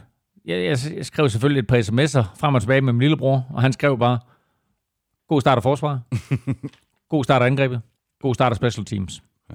Og det var det lige nøjagtigt, fordi øh, forsvaret, som du siger, lægger ud med et sack og lægger pres på Matt Ryan. Øh, special teams kommer ind, har sat et nyt et, et nyt punt block play ind, mm. som de bare udfører til perfektion. Falcons øh, sagde efter kampen, at det, det var ikke noget usædvanligt, men øh, de var tydeligvis uforberedt på det her play i hvert fald. En spiller lige op igennem midten, som blokerer ponte, og så får Vikings angreb bolden øh, tilbage med det samme, og, og scorer ret hurtigt. Og så stod det 7-0. Øh, og derfra, det, det er den måde, som Vikings de også godt kan lide at spille fodbold på, det er at være foran, og så lade forsvaret øh, håndtere sagerne. Mm. Fordi det her var ikke nødvendigvis en dårlig kamp af Falcons angreb. Jeg sagde det i starten, øh, og forskellen på de her to mandskaber, det var turnovers. Falcons begår fire turnovers. Alle fire fører til touchdown. Det vil sige fire turnovers, 28 point. Det var det Vikings, de gjorde. Det var, de fremtvang de her turnovers, og så straffede de Falcons for dem. Hmm. Der gik lang tid inden Falcons kom på tavlen. Jeg sad på et tidspunkt lige og håbede på, at de skulle nøjes med, med, med de tre point, som de scorede, fordi vi talte også om i optagsudsendelsen, at Vikings forsvar igennem preseason faktisk havde haft 11 quarters i træk, uden at have tilladt et, for, et, et touchdown, og det havde været en fin start at, at, at komme ind i sæsonen med også at, at kunne sige, at vi, vi holdt modstanderne fra at score touchdown. Øh, den magiske og nyrige Julio Jones, han scorede touchdown øh, sent i kampen og reducerede. Det betød ikke, at der kom spænding ind i kampen. Nej. Men Atlanta Falcons havde flere offensive plays, de havde flere yards, de havde en bedre øh, completion, øh, ikke completion percentage, men flere kast, flere rushing plays, flere, altså alt havde de fleste af. Matt Men, Ryan kaster markant øh, flere bolde end øh, Kirk Cousins. Præcis, han, gør. han præcis. kaster, kaster bolden 10 gange. Kirk Cousins kastede bolden 10 gange, ramte på de 8, øh, og så rigtig, rigtig godt ud i processen. Men havde du fortalt mig inden kampen, at Kirk Cousins vil kaste den 10 gange, og at Diggs og Thielen vil have fem catches til sammen, og Kyle Rudolph vil øh, have øh, 0 catches, så har jeg nok sagt til dig, ah, Ah, det, var, ikke- det, var, det, var, det var ikke en god kamp Nej, for nej, Vikings. den tabte, vi, den Men på kamp. en eller anden måde, så var det meget, meget overbevisende, og forsvaret var meget, meget overbevisende. Ja, Julio Jones ender med at, at gribe et touchdown. Ja, tosset med Xavier Rhodes. Men Xavier Rhodes, Jeg tosset med Xavier Rhodes. når Xavier Rhodes var på banen, for han var småskadet igennem den her kamp, men når han var på banen, så var Julio Jones en non-factor. Ja, præcis. Øh, og så bliver vi jo bare lige nødt til at nævne at Dalvin Cook. Øh, det er jo selvfølgelig ikke fordi, at vi sidder her og er professorer i, i amerikansk fodbold, men vi snakkede om det i optagsudsendelsen, at, øh, at med det her angreb og øh, Kubiak og så videre, og øh, han, han vil få en stor sæson, og han ser ud til at få en stor sæson. Altså, han er en stor kamp her, ikke? Altså, det, 21, 21 løb for 111 yards og, og to touchdowns. det her, det var head coach for Minnesota Vikings, uh, Mike Simmers våde drøm. Ikke? Et giftigt forsvar og et løbeangreb. Altså det her, apropos øh, fodbold for 100 år siden, så var det her jo næsten fodbold for 100 år siden, mm, fordi det her, det var altså 10 kast af en quarterback. Det er ret uhørt uh, i NFL nu om dagen, selvom jeg tror, at Lamar Jackson havde noget lignende sidste år i nogle af de der kampe. Men altså, øh, et, en helt støbt indsats af Vikings, men der var en ting, som jeg vil pointere, og det var, at de lavede fire offsides øh, på forsvaret, og to af dem gav første down. Og du må simpelthen ikke, når du har tredje down og tre, eller tredje down og fire, så må du ikke gå offside og give modstanderne fem yards. Mm. Det er så dumt, og det er så udisciplineret. Og det kan jo altså være med til at tabe kampen. Nu kommer det ikke til at betyde noget i den her kamp. Men var det her det været en tæt kamp, og havde Vikings tabt den, så var det en af de ting, man havde pointeret, så har sagt, det der, det var afgørende. Ja, men, men det, der blev afgørende, det var jo i hvert fald blandt andet de her fire turnovers fra, fra Falcons side. Falcons er der mange, der også har som et, et hot hold i, i år, og der er der ikke nogen tvivl om, at hvis de skal komme langt, og hvis de skal nå mm. i slutspillet, så skal de i hvert fald eliminere alle de turnovers, fordi det, det, det, ja, det er bare noget, man taber kampen på, ikke? Det var det, vi, altså, det, vi talte om med de fire turnovers, der udmyndte sig i alle Vikings point, og så forsvaret skal blive bedre. Vi talte om, at der var nogle svagheder i vores optagsudsendelse på det her forsvar, og øh, en af, en af, af de ting, som øh, vi nævnte, det var øh, den her øh, pass rush duo med Vic Beasley og Tag McKinley, og de var en fuldstændig non-factor også i den her kamp, og faktisk var Tag McKinley øh, en non-factor i forhold til kaste, men han lavede også nogle brøler i forhold til løbeangrebet. Og vi talte om det her på et spørgsmål tidligere i dag, om, om, omkring hvad man skulle holde øje med på den defensive linje. Der talte vi om contain, og Tag McKinley holdt ikke sit contain. Det vil sige, at han blev suget ind og troede, at et eller andet spil gik i, i retning mod venstre, og så kom spillet tilbage over i hans højre side, og der var han der ikke til at sørge for, at running backen blev lukket indvendigt, mm. men tillod, at Dalvin Cook kom ud på ydersiden. Og når først Dalvin Cook med sin fart er ude på ydersiden, så sker der altså ting og sager, og så samlede han sådan hurtigt 12 eller 14 yards op. Masser af store løb fra, fra Dalvin Cook i den her kamp. Nogle af dem hans egen skyld, nogle af dem der offensiv linjes skyld, men nogle af dem også på baggrund af dårligt forsvarsspil for Falcons. Mm. Og Vikings, de er 1-0. De spiller ud mod Packers. Falcons, de er 0-1, og de får besøg af Eagles Sunday Night. Rams, de vandt med øh, 30-27 på udebane over Panthers, og det var så en kamp, der blev spændende til sidst, men det lykkedes altså for Rams at, øh, at holde fast. Øh, ja, det gjorde det, og øh, i picks, der havde du jo øh, taget øh, Rams. Rams, og jeg havde taget Panthers, og det var også en af mine anbefalinger på Odds, det var, at man skulle spille på en hjemmesejr til Panthers, og jeg håbede længe på, at, øh, at de kunne trække, at, at de kunne fuldføre det her comeback, og at de kunne vinde kampen, og jeg synes også, at det her var en kamp, som Panthers havde chancen for at vinde, Bestemt. men hvor Rams på en eller anden måde måske med det momentum og den selvtillid, de har fra sidste år, vinder opgøret. Hmm. Men det var ikke et Rams-angreb, der var lige så eksplosivt som det, vi så sidste år. Det var ikke et Rams-angreb, der spillede på alle tangenter, som vi så sidste år. Det var ikke en, en øh, apropos nyrige, også en nyrige Jared Goff, øh, som har fået 110 millioner dollars og øh, også har, har sikret sig en, en kæmpe kontrakt her. Øh, det var heller ikke hans bedste kamp. Nej. Øh, Todd Gurley blev brugt, brugt sporadisk og blev nærmest slet ikke brugt øh, inden for red zone omkring mållinjen. Det var... Nej, han, han delte øh, arbejdet, øh, ikke mindst i første halvleg med, med Malcolm Brown, og det er jo nok i virkeligheden meget fornuftigt af, af Rams, øh, og sådan ligesom øh, få ham lirket øh, stille og roligt tilbage, og ikke nogen grund til at provokere. Han, altså, fordi det endte, jo, det endte jo skidt for Todd Gurley og for Rams sidste sæson, altså med at han, han dybest set ikke spillede den, den sidste måned eller to. Ja, og... Øh, Og jeg synes da faktisk, han så god ud, øh, det vi så til ham. Jamen, altså, det, det gjorde det. Og, og han havde nogle plays undervejs, hvor, hvor han jo den her klassiske Todd Gurley løbestil, hvor vi virkelig så den Han havde nogle store plays, altså, og, og da kampen også skulle afgøres til sidst, der er det også ham, der sørger for at skaffe et par første downs. Altså hvis Panthers de stopper Rams på de spil, så får de bolden tilbage og får en chance for at vinde kampen. Men, øh, men der sørgede Gurley altså lige for at, at skaffe de her første downs. Så på den måde, der var det ret effektivt, det de leverede til sidst i kampen af Rams men det var bare ikke lige så eksplosivt, Nej. Som vi har set det sidste år, og det var ikke sådan, som man sad og tænkte, hold da kæft, det her Rams-hold, de kommer til at køre hen over al modstand. nej. Men hvad siger du til Rams forsvar? Altså en forced fumble, en interception, tre sacks og fem quarterback hits. Jamen, det her Rams-forsvar var meget, meget bedre, end det, jeg lagde op til i vores optagsudsendelser. Mm. Øh, Cole Littleton satte en øh, Rams-rekord med 14 taklinger, ja. og øh, var her der alle vegne. Der var flere andre spillere, som spillede virkelig godt på det her Rams-forsvar, og øh, så er der mange, der pointerer, jamen øh, Aaron Donald var der en skygge af sig selv. Ja, men måske netop fordi, at han var en skygge af sig selv, spillede de andre så godt, fordi det kan være, at, øh, at Panthers de sørgede for at håndtere Aaron Donald, Præcis. og havde besluttet sig for, Aaron Donald, han skal ikke ødelægge noget for os. Mm. Og på den måde, så blev der altså plads til alle mulige andre. Øh, Så det her, det var en, øh, jeg synes faktisk, det var en overraskende solid indsats af Ramses forsvar, og øh, en positiv overraskelse. Vild kamp af Christian McCaffrey. 209 yards i alt. To touchdowns. Og så er det også godt at se Cam Newton i aktion igen, efter at han fik sin øh, øh, skulder øh, mm. opereret. Øh, lidt, lidt op og ned kamp for ham. Øh, 25 af 38 for 239 yards. Han blev sækket, som vi lige øh, talte om for lidt siden, tre gange. Han fumblede en enkelt gang og kastede også en interception. Cam Newton missede nogle kast undervejs, og jeg synes ikke, at Cam Newton virkede lige så skarp, som vi har set ham på andre tidspunkter. Han løb bolden tre gange i den her kamp for minus to yards. Det er jo slet ikke Cam Newton-style. Der var et par øh, free receiver, som han missede. Til gengæld så er det heldigt øh, for ham, at han har en Christian McCaffrey. Ja. Øh, du nævner hans yards og hans touchdowns. Jeg synes, det væsentligste tal, det er hans 29 boldberøringer. Jeg gentager bare lige. 29 boldberøringer. Det er fuldstændig uhørt i nutidens NFL. Det var, der, det var der en gang, hvor man havde en running back, som øh, fik bolden højre og venstre, og så greb han den. Der fik de måske de der 25-29 boldberøringer, men det her med 29 boldberøringer, det er helt crazy. Nej, det er det. Øh, og viser bare, hvor stort et omdrejningspunkt Christian McCaffrey er for Panthers, og at de valgte at trade, og drafte ham meget, meget højt øh, med, med pick 5 der for fire år siden, at, øh, at det var godt set. Mm. Rams, de er 1-0. De får øh, besøg af Saints. Panthers, de er 0-1, og de spiller hjemme mod øh, Bucks, og det gør de øh, natten til fredag.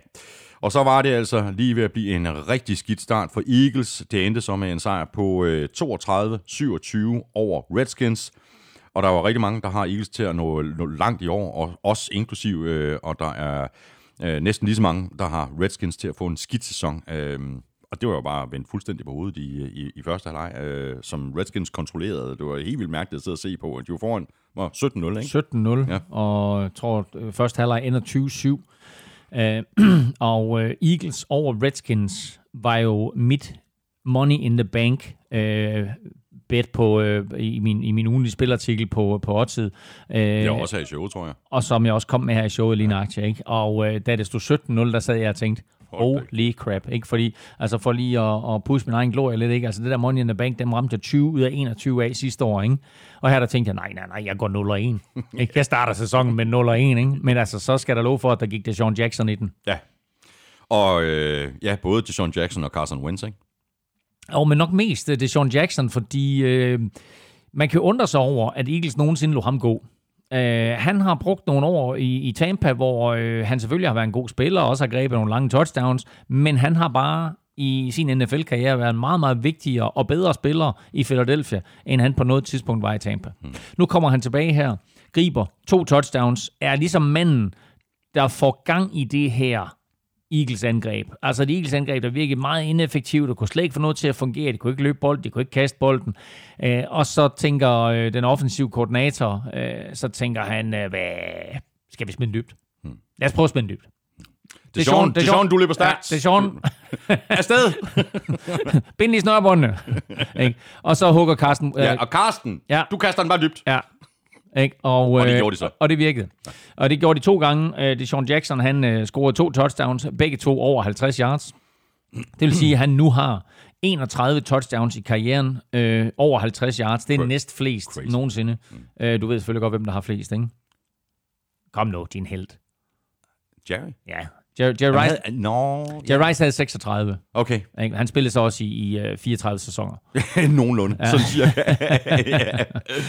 øh, men, øh, men altså, det er Sean Jackson jo øh, altid været en øh, stor playmaker, og altid lavet de der lange touchdowns, og viser, at han stadigvæk har den her øh, voldsom, voldsom fart i stængerne. Så øh, han, øh, han snød øh, Redskins forsvar et par gange, og det var altså nok til, at øh, momentum ligesom skiftede fra Redskins til Eagles, og at Eagles på den måde kom tilbage i den her kamp, som de i lang tid så ud til at være helt ude af. Og hvis man så på de to quarterbacks, så var Case Keenum en langt bedre spiller Ja, totalt. i den første halvdel, øh, i hvert fald i første halvleg, langt bedre spiller end, han, end, end Carson Wentz var. Ja, ja, præcis. Han så overraskende god ud. Øh, og så ikke et touchdown, vi fik af Vernon Davis. Øh, 48 yard øh, catch and øh, run.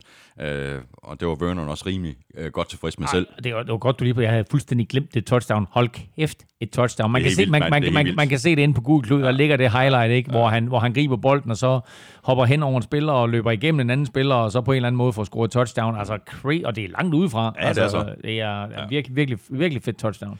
Lige en enkelt ting, jeg, jeg godt lige vil øh, runde, det er defensive tackle Jonathan Allen. Han gik ud med en knæskade mm. i første kvartal. Ja. Ja. Han, han kom ikke tilbage, øh, men han skal tilbage, hvis, øh, hvis Redskins de skal stoppe løbet. Ja, for vi talte om øh, i optagsudsendelsen, at en af deres styrker var, var den indvendige defensive linje.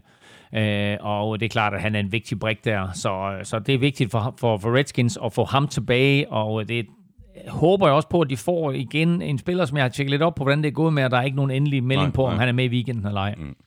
Eagles, de er 1-0. De spiller ud mod Falcons Sunday Night. Redskins, de er 0-1, og de får besøg af Cowboys. Så har vi en øh, enkelt kamp tilbage. Øh, Seahawks-Bengals. Den endte med en øh, snæver sejr til Seahawks på 21-20, og Bengals så overraskende god ud, synes jeg. Bengals så rigtig, rigtig god ud. Øh, læg lige mærke til, at det her det er et Bengals-mandskab, som har fået Zach Taylor som head coach. Og Zach Taylor er der nogen, der sidder og siger, hvem er Zach Taylor? Jamen, han var tidligere quarterbacks coach for øh, Los Angeles Rams, og har altså lært hele det her Sean McVay-system. system. Nu kommer han til Bengals, og det er et Bengals-mandskab, der stiller til start uden øh, AJ, Green. Green. Men det er til gengæld et Bengals-mandskab, som har øh, The Red Rifle, og Zach Taylor, kombineret med The Red Rifle, kan så- vise sig at være John Ross. kan vise sig at være rigtig, rigtig godt for The Red Rifle, Andy Dalton, og så også for den her spiller, John Ross, som kom ind i ligaen for to år siden, og øh, kom ind i ligaen og blev draftet højt i første runde, fordi han løb den hurtigste 40-tid, der nogensinde er målt i, i NFL Combine, men han har ikke rigtig fået noget ud af det i sine to første år i NFL.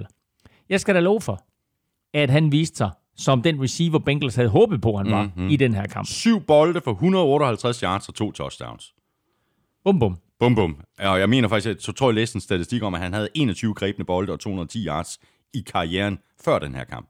Jamen, jamen, det Så det er sådan- nok- det er sådan noget double Ja, up, ikke? Jamen, det skal nok På passe. en enkelt kamp. Ja, ja. Altså, det, det her, det var, det, det var en vild kamp af, af John Ross. Så må ikke, at alle dem, der sidder og spiller fantasy football, de, øh, er i gang med at samle ham ja, op. de har samlet ham op. Der, der, der er et par spillere, en Sammy Watkins, en, en John Ross, et, et par stykker mere, som, som folk de har samlet op. Prøv at høre her, Elming. Uh, Bengals, de havde næsten 200 yards mere end Seahawks. De vandt time of possession, mm. og alligevel så tabte de kampen. Ja. Altså, øh, Jamen, de, de, de fumblede selvfølgelig også øh, Ja. tre gange. Ja. Øh, så Og- missede de et, øh, Ja, ja. et 45-yard field goal. ja, præcis. Fordi de, de missede. Randy Bullock missede et 45 field goal. Og lad os lige blive enige om, Seahawks vinder med et point. Præcis. You do the math. Ja, ja, præcis. Og så fik de jo heller ikke noget ud af den der Seahawks uh, fumble uh, inden for, for, for Seahawks 20 eller. Det fik de heller ikke noget ud af. Så det uh, fortæller selvfølgelig en, en del af historien, og en anden del af historien, det er selvfølgelig, uh, at det her det er bare Russell Wilson Classic, altså super effektiv, driftsikker, og så lige et par spektakulære uh, kasthister her, og, og bum, og så, ja, han ved, hvordan man vinder fodboldkampe. Tre, tre ting i den der samling. Et, DK Metcalf spillede. Jeg var i tvivl om, han øh, stillede til start. Han spillede. Han var ikke bare god, han var rigtig god. Han øh, viste øh, den der græske gudekrop frem et par gange. Han øh, greb nogle bolde, hvor han brugte sin fysik. Han øh, greb nogle bolde, hvor han øh, mellem to Bengals-spillere hævde bolden ind. han griber bolde for i alt 89 yards, hvilket i øvrigt er en Seahawks rookie-rekord. Slår legendariske øh, Steve Largent. Og DK Metcalf ankom jo til kampen i en Steve Largent trøje lige for at hylde den gamle legende, ja, og så bum, Ja. ja. så slog han hans rookie-rekord, ikke? og øh, så tænkte man, øh, den her gyldne kombination fra sidste år, Russell Wilson til Tyler Lockett, hvor er den henne? Mm. Øh, hvor er den? Og den, den var der ikke. Og så lige pludselig, da der var behov for den, jamen, så smider Russell Wilson lige et langt touchdown til Tyler Lockett, og så er, så er Seahawks foran. Og den tredje ting, jeg vil pointere her, det er, du nævnte det lidt, men Russell Wilson magi. Simpelthen. Ikke? Altså, der er ikke ret mange quarterbacks, som jeg hellere vil have i fjerde kvartal, hvis kampen skulle, vin- skulle vindes eller vindes. Og det er sådan uden de store armbevægelser. Jamen, han er så god. Det er så driftssikkert. Ja, ja, han er så god.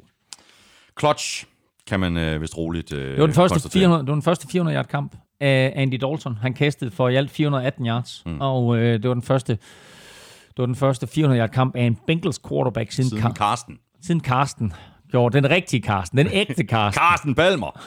gjorde det i 2010. Præcis. Seahawks, de er 1-0. De skal til øh, Pittsburgh og spille mod øh, Steelers. Bengals, de er 0-1, og de spiller hjemme mod øh, 49ers. Med det, der nåede vi igennem øh, første spillerunde. Lige om lidt, der får du øh, tre øh, skarpe spiltip fra Elming til øh, Oddset. Øh, vi skal også se, om der er nogen, der har ramt rigtigt i Oddset-quizzen, hvor du jo kan vinde det her freebet på 200 kroner. Vi skal også have sat vores øh, picks til UT, U2, og se, om vi kan diske op med nogle øh, svar i, øh, i de her to quizzer, vi satte i gang i begyndelsen af udsendelsen. Allerførst, der skal vi lige et øh, kig på toppen af dit øh, momentometer, Claus. Der må være sket et eller andet, ikke? Der er, der er sket noget også, fordi det er sådan, jeg faktisk har nulstillet den. Øh, og øh, det vil sige, at i den her uge, øh, og som den eneste spilleuge, men der er det alle de hold, der har vundet, der ligger øverst, og alle de hold, der har tabt, der ligger nederst. Og så har vi jo så den interessante situation, at der er lige To. to, mandskaber, der spiller Uafgjort. Så, Så øh, de må ligge lige, i midten, de ikke? ligger lige i midten. Men øh, det interessante ved den her, det er, at min top 3 i den her uge, alle tre er AFC-hold. Mm-hmm. Så øverst, New England Patriots, efter en knusende indsats, og lad mig læse den her øh, sætning højt for dig, som jeg skriver om New England øh, Patriots. Tom Brady er så gammel, at han besejrede Devin Bush Senior i 2001, og sønninge Devin Bush Jr. i 2019. Nå, øh, toer er Kansas City Chiefs, øh, og treer er Baltimore Ravens. Sådan der, og hvis du vil øh, se hele Elmings momentometer, så ligger det øh, lige præcis det samme sted, hvor det plejer at ligge, nemlig inde på gulklud.dk, hvor du som, øh, selvfølgelig øh, ved du det, at du kan blive opdateret på stort og småt i forhold til alt det, der sker i verdens største reality show. Det er det, der hedder NFL. Vi skal have quizzen! Åh, oh, Det er tid til quiz, quiz, quiz, quiz, quiz. Nå, er det mig, der skal, øh, er det mig, der skal svare først? Det må du gerne. Spørgsmålet var... jeg har faktisk glemt spørgsmålet. Du har glemt spørgsmålet. Jeg har, jeg har, jeg har tænkt på... Øh, på, øh, På quarterbacks. På quarterbacks. Ja. Øh, spørgsmålet er, hvem er den sidste quarterback, der blev draftet nummer et overall, som rent faktisk vandt sin debutkamp? Ja. Øh, jeg er bange for, at vi skal langt tilbage. Øh, det var ikke... Øh, det var ikke Baker Mayfield. Det er korrekt. Han spillede faktisk uafgjort. Nej, det gjorde han ikke. Der var han ikke på banen. Nej. Det var heller ikke Jared Goff. Ah, der var det. Nej, Nej, nej. Det var det ikke. Nej, det var det ikke. det var det ikke. Nej. Øh, Andrew Luck kan vi også udelukke. Det var helt, det var helt skidt. Det var helt forfærdeligt. Det var, det var heller ikke Peyton Manning. Det var også helt forfærdeligt. Det var heller ikke Eli Manning. Det var også helt forfærdeligt. Øh, Hvad har du flere? Carsten Palmer? ham tror jeg heller ikke, det var. Og det var heller ikke David Carr. Det var heller ikke Michael Vick. Det var heller ikke Drew Bledsoe. Du kan dine quarterbacks. Det var ikke Alex Smith. Det var slet ikke Jamarcus Russell. Øh, Sam Bradford? Nej, det var det heller ikke. Jeg har, øh, hold kæft, men de har, de har alle sammen tabt deres første kamp. ja. Øh, jeg, mit bedste bud på, og hvis det ikke er ham, så er jeg på røven. John Elway Er, er mit vir- bedste bud. er et virkelig, virkelig godt bud. Men det er forkert. Men det er forkert. Ja. Du har faktisk nævnt ham, som... øh, som Ej, det? Ja, det har. Som, som, øh, som vandt, Som vandt sin første kamp. Sam Bradford. Nej, Nej, jeg gider ikke til dem alle sammen igen. 2002. 2002. Mm. Michael Vick, nej. Og hvad skete der i 2002? der gik NFL fra 31 til 32 klubber og lagde hele strukturen om. Det er rigtigt. 2002. Ja. Hvem, var, hvem var det 32. hold, der kom ind i ligaen? NFL havde 31 hold før det og spillede i seks Men- divisioner. Men I to- 2002, det er David Carter. Det er rigtigt. David Carr er den sidste quarterback, der vandt sin åbningskamp. Altså af de her quarterbacks, der blev draftet etter. Og det gjorde han med en 19-10 sejr over Dallas Cowboys. Han kastede to touchdowns og en interception. Og derefter gik det så ikke så godt. Så begyndte de at sack ham, modstanderne. Okay, jeg er faktisk, ret, jeg er faktisk ret sikker på, at han også tabte sin uh, debutkamp. Nå, jamen øh, sjovt. Ja. 2002 er, er den sidste overall, altså number one overall quarterback til at vinde sin debutkamp. Præcis. Vanvittigt. Jamen, øh, godt. Og så skal du så svare på øh, det quizzen fra Armstrong. Øh, og spørgsmålet lød sådan her. Hvilke fire spillere har ud over Edelman grebet flere end 500 bolde i Patriots historie? Ja. Vi starter med Rob Gronkowski. Ja, det er korrekt. Ja. Så siger vi Wes Welker. Også korrekt. Og så må jeg indrømme, så det var der, hvor, hvor øh, jeg stod af. Ja. Så har vi uh, What Can Brown Do For You? Ja, Troy Brown. ja det er korrekt. Godt. Og så vil jeg gætte på, det er Stanley Morgan, der er Det den er sidste. fuldstændig uh, spot on. Hvor er det kedeligt. Armstrong! Armstrong! Det er jo en dårlig quiz! det er jo en dårlig quiz! det er overhovedet ikke sjovt. Nej, må jeg- det hører med- de var sjove dem der i sidste uge. Og hvor det hører med til historien, at jeg har skrevet det op i mine noter til i dag. Er det rigtigt? Jeg ville have fortalt det omkring Patriots-historien, så da den kom, den, Så den- den, så da den, kom den quiz der, så tænkte jeg, ah, okay. Nå, hvor godt. Godt. Nu skal vi have tre øh, skarpe til øh, oddset øh, fra Danske Spil Elming. Money in the Bank, ugens bedste bet og ugens overraskelse. Take it away. Ja, og jeg synes jo, at vi fik lige så mange spørgsmål, som vi fik svar i spil U1. Så jeg er vanvittigt meget i tvivl. Vi havde en svær spil U1, jeg synes også, vi har en svær spil U2. Der, der skal nok komme nogle overraskelser i spil U2 igen. Jeg tror dog, at Carolina Panthers hjemme imod Tampa Bay Buccaneers øh, bør give en øh, hjemmesejr, og Panthers giver 1,35 igen. Det er Money in the Bank. Og, jeg det er synes jo godt odds og jeg synes, til det- Money in the Bank. Jeg synes, det er godt odds, ikke? Ja. Så øh, 1,35 på en Panthers sejr hjemme over Bucks. Den tror jeg også på, fordi Box, de så heller ikke gode. De Nej, så ikke gode nej, nej, altså Panthers så faktisk rigtig gode Ja, ja, præcis. så, Ja. så jeg, jeg synes, øh, jeg synes at det, det, det, det bør være en forholdsvis øh, sikker sejr. Øh, ugens bedste bet, øh, var jeg, den, den var jeg meget i tvivl om, hvad det skulle være. Jeg leder som regel efter et odds på omkring de to til ugens bedste bet, og øh, Cowboys giver 1,45 for en sejr hjemme over Redskins. Øhm, ja, jeg tror faktisk, de spiller på udebane. Cowboys giver 1,45 for en sejr ude over Redskins. Mm. Øh, men vinder de med et touchdown, mm. så er der odds 2,05. Og det er... Det er et godt odds, fordi det tror jeg også, de gør. Fordi jeg tror ikke, øh, jeg tror ikke at Cowboys de lader Redskins slippe afsted med den, øh, med den samme første halvleg, som de havde mod Eagles i, i spilrunde 1. Men til gengæld, så kan vi se en ny running back for Redskins, fordi øh, lidt overraskende, så var Adrian Peterson det, man kalder healthy scratch mm, mm. For Redskins. Det vil sige, at de simpelthen har valgt at udlade ham for holdkortet, så af de 46 spillere, de stillede til start med, der har de valgt ikke at tage Adrian Peterson med. Mm, mm. Og da de var foran med 17, der kunne de nok godt have, have brugt ham lidt til at tage lidt tid af klokken, men øh, der havde de altså ikke lige god gamle Adrian øh, AP all day der med. Nå, Men altså med mere end et touchdown, så er der odds 205 på en Cowboys sejr øh, over Redskins. Ja. Øhm, og så har jeg skrevet her, og det her det er meget interessant, men uh, Seahawks, uh, Seattle Seahawks ud over Pittsburgh Seahawks.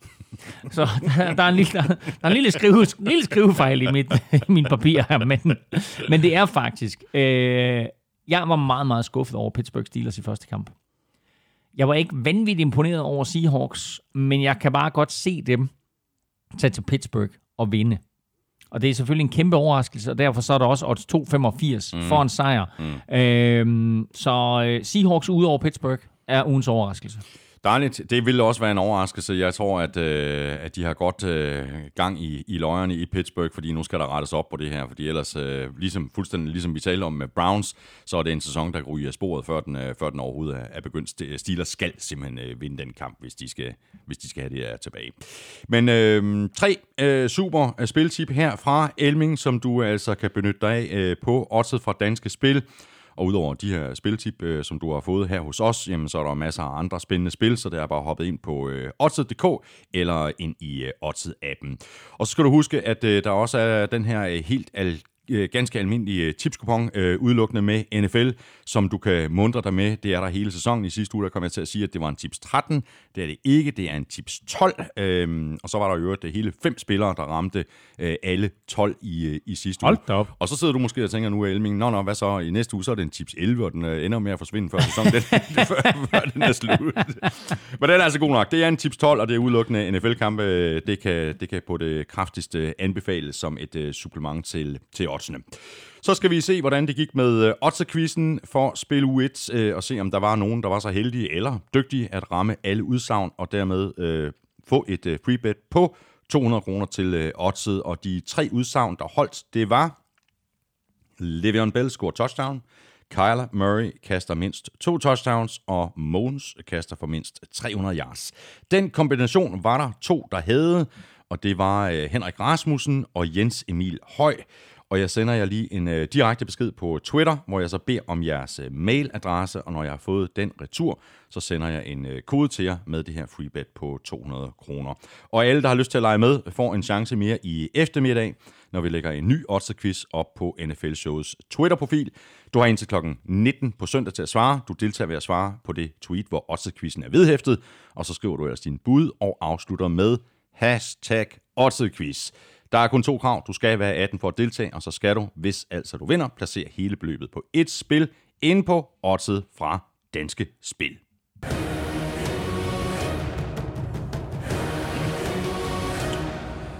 Så mangler vi bare at øh, sætte vores øh, picks her til anden spillerunde. Øh, før vi gør det, der skal vi lige høre fra vores statman, Lukas Willumsen. Han skriver sådan her. Claus åbnede sæsonen med maner, da han tangerede Week 1-rekorden i picks med hele 11 rigtige. Hold da op. Jo, det er, det er rigtig godt gået. Øh, desværre for Claus, øh, så gjorde Thomas det lige en lille smule bedre med sine 12 rigtige. Og det er på trods af, at Thomas for femte år i træk missede Bills besøg hos Jets. Også latterligt. I den kommende runde, der skal Vikings på besøg hos Packers, og Thomas kan gå ind til dette pick med selvtillid, da han har ramt Vikings seneste syv udekampe, og faktisk hele 17 af deres seneste 20 udekampe. Det kan wow. jeg bare det der, ja, ja. Claus har også nogle øh, fornuftige streaks kørende til øh, uge 2, fordi han har ramt øh, Bills seneste syv udkampe, og så har han øh, ramt Chargers seneste syv kampe imod NFC-hold. Så ved vi det. Nå. Panthers Buccaneers. Ved du Jeg fører med en nu, ikke? Jo. Jeg siger bare det samme øh, som dig fra nu af. Resten af sæsonen. Øh, ja, ja, men mindre du lægger ud selvfølgelig. Jamen, det gør jeg ikke. Okay. Nej, Panthers Buccaneers. Panthers. Panthers. Ravens Cardinals. Ravens. Ravens. Redskins Cowboys. Cowboys. Cowboys. Så kommer vi til en, øh, en lille øh, svag en her. Mm. Titans Colts. Ja, den er nemlig svær. Jeg er meget i tvivl. Ja. Men jeg, øh, jeg er endt med at gå... Øh, og jeg har jo Colts til at vinde divisionen, og de tabte den første, og de skal vinde, og Titans så gå ud, og de er på hjemmebane. Og sådan. Jeg bliver nødt til at sige Titans. Uh, jeg siger også Titans. Men jeg er meget i tvivl. Steelers Seahawks. Steelers. Seahawks. Uh, du holder fast i din, øh, ja. din overraskelse. Kom så, Steelers. Giants Bills. Bills. Bills. Bengals 49ers. Her er vi også uenige. Jeg siger Niners. Bengals. Så er to foran nu. Det er skide godt. Lions Chargers. Chargers. Chargers. Packers Vikings. Uh, drama. Jeg tror på en udsejr. Jeg tror på Vikings. Vikings. Texans Jaguars. Texans. Texans. Dolphins Patriots. Patriots. Dolphins. Patriots. Patriots. Hørte du, Lukas? Du tæller bare. Den her, er for sent, det der. Det er, to af. Raiders Chiefs. Chiefs. Chiefs. Rams Saints. Drama. Mm. NFC replay. Ja. NFC Championship replay. Godt. Rematch. Jeg siger Saints. Jeg siger udsejr. Jeg, jeg havde håbet på, at du sagde Rams. Jeg siger også Saints. Okay. Øhm, Broncos Bears. Bears. Bears. Falcons Eagles. Også en spændende kamp. Ja. Falcons hjemme. Ja. Jeg tror på Eagles. Jeg tror på en udsejr. Jeg tror, jeg tror Falcons de starter 0-2. Ja, vi er fuldstændig enige. Eagles. Og så har vi uh, Jets Browns. Også interessant. Monday night. Ja. Prøv at høre. Dem, der har lagt øh, kampprogrammet, de har allerede nu fortrudt, at det er Jets mod Browns i, i, uh, i Monday Night i U2, ikke? Jo, Men uh, hvad siger du? Jets eller Browns? jeg er meget i tvivl. Jeg siger Jets. Ja, Browns, de går 0-2. Wow. Okay, jeg siger Browns. Åh, oh, kæft, hvor er det sindssygt. Ja, det er tænk, sindssygt. tænk hvis de går 0-2. Jamen, det er godt. Ja, men øh, det, er jo jo, så også, det er jo øh, masser af spændende kampe. Ja, det er så også øh, Sam Darnold mod Baker Mayfield i den her kamp, ikke? Exactly. Tak for det, Elving. Det har været en fornøjelse, som, øh, som altid. Også en stor tak øh, til vores øh, gode venner og sponsorer fra Tafel og Otse fra Danske Spil. Støt dem, de støtter os. Og tak til dig, fordi du har lyttet med. Hvis du synes om det, du har hørt, så øh, kunne du overveje to ting. Enten stikker os en anmeldelse af nogle stjerner de steder, det er muligt. For eksempel i iTunes. Du kan også give os et øh, klap på skulderen på tier.dk hvor du kan støtte os med et øh, valgfrit beløb. Det er der lige nu 281 af vores øh, allerbedste venner, der gør, og tusind tak til jer. Hvis du har øh, spørgsmål eller kommentarer, så er du altid velkommen på Twitter, på Facebook eller på mail Gør det kort og præcist, så er chancen for, at dit spørgsmål kommer med en del større, end hvis du skriver en halv roman. Husk at tjekke NFL-showet på Twitter hver tirsdag, hvor vi nominerer tre eller måske fire spillere til ugens spiller, og det er så også der, altså på Twitter, at vi sætter gang i Otterquizzen hver onsdag. Tak for nu. Vi høres ved. NFL-showet er produceret af Kvartrup Media, der også producerer Born Unplugged, hvor min øh, fætter Henrik og jeg hver eneste fredag høvler dansk politik godt og grundigt igennem. Følg Elming på Twitter på snablag NFLming. Mig kan du følge på snablag Thomas Kvartrup. Vi er tilbage igen i næste uge. Ha' det godt så længe. Hot hot.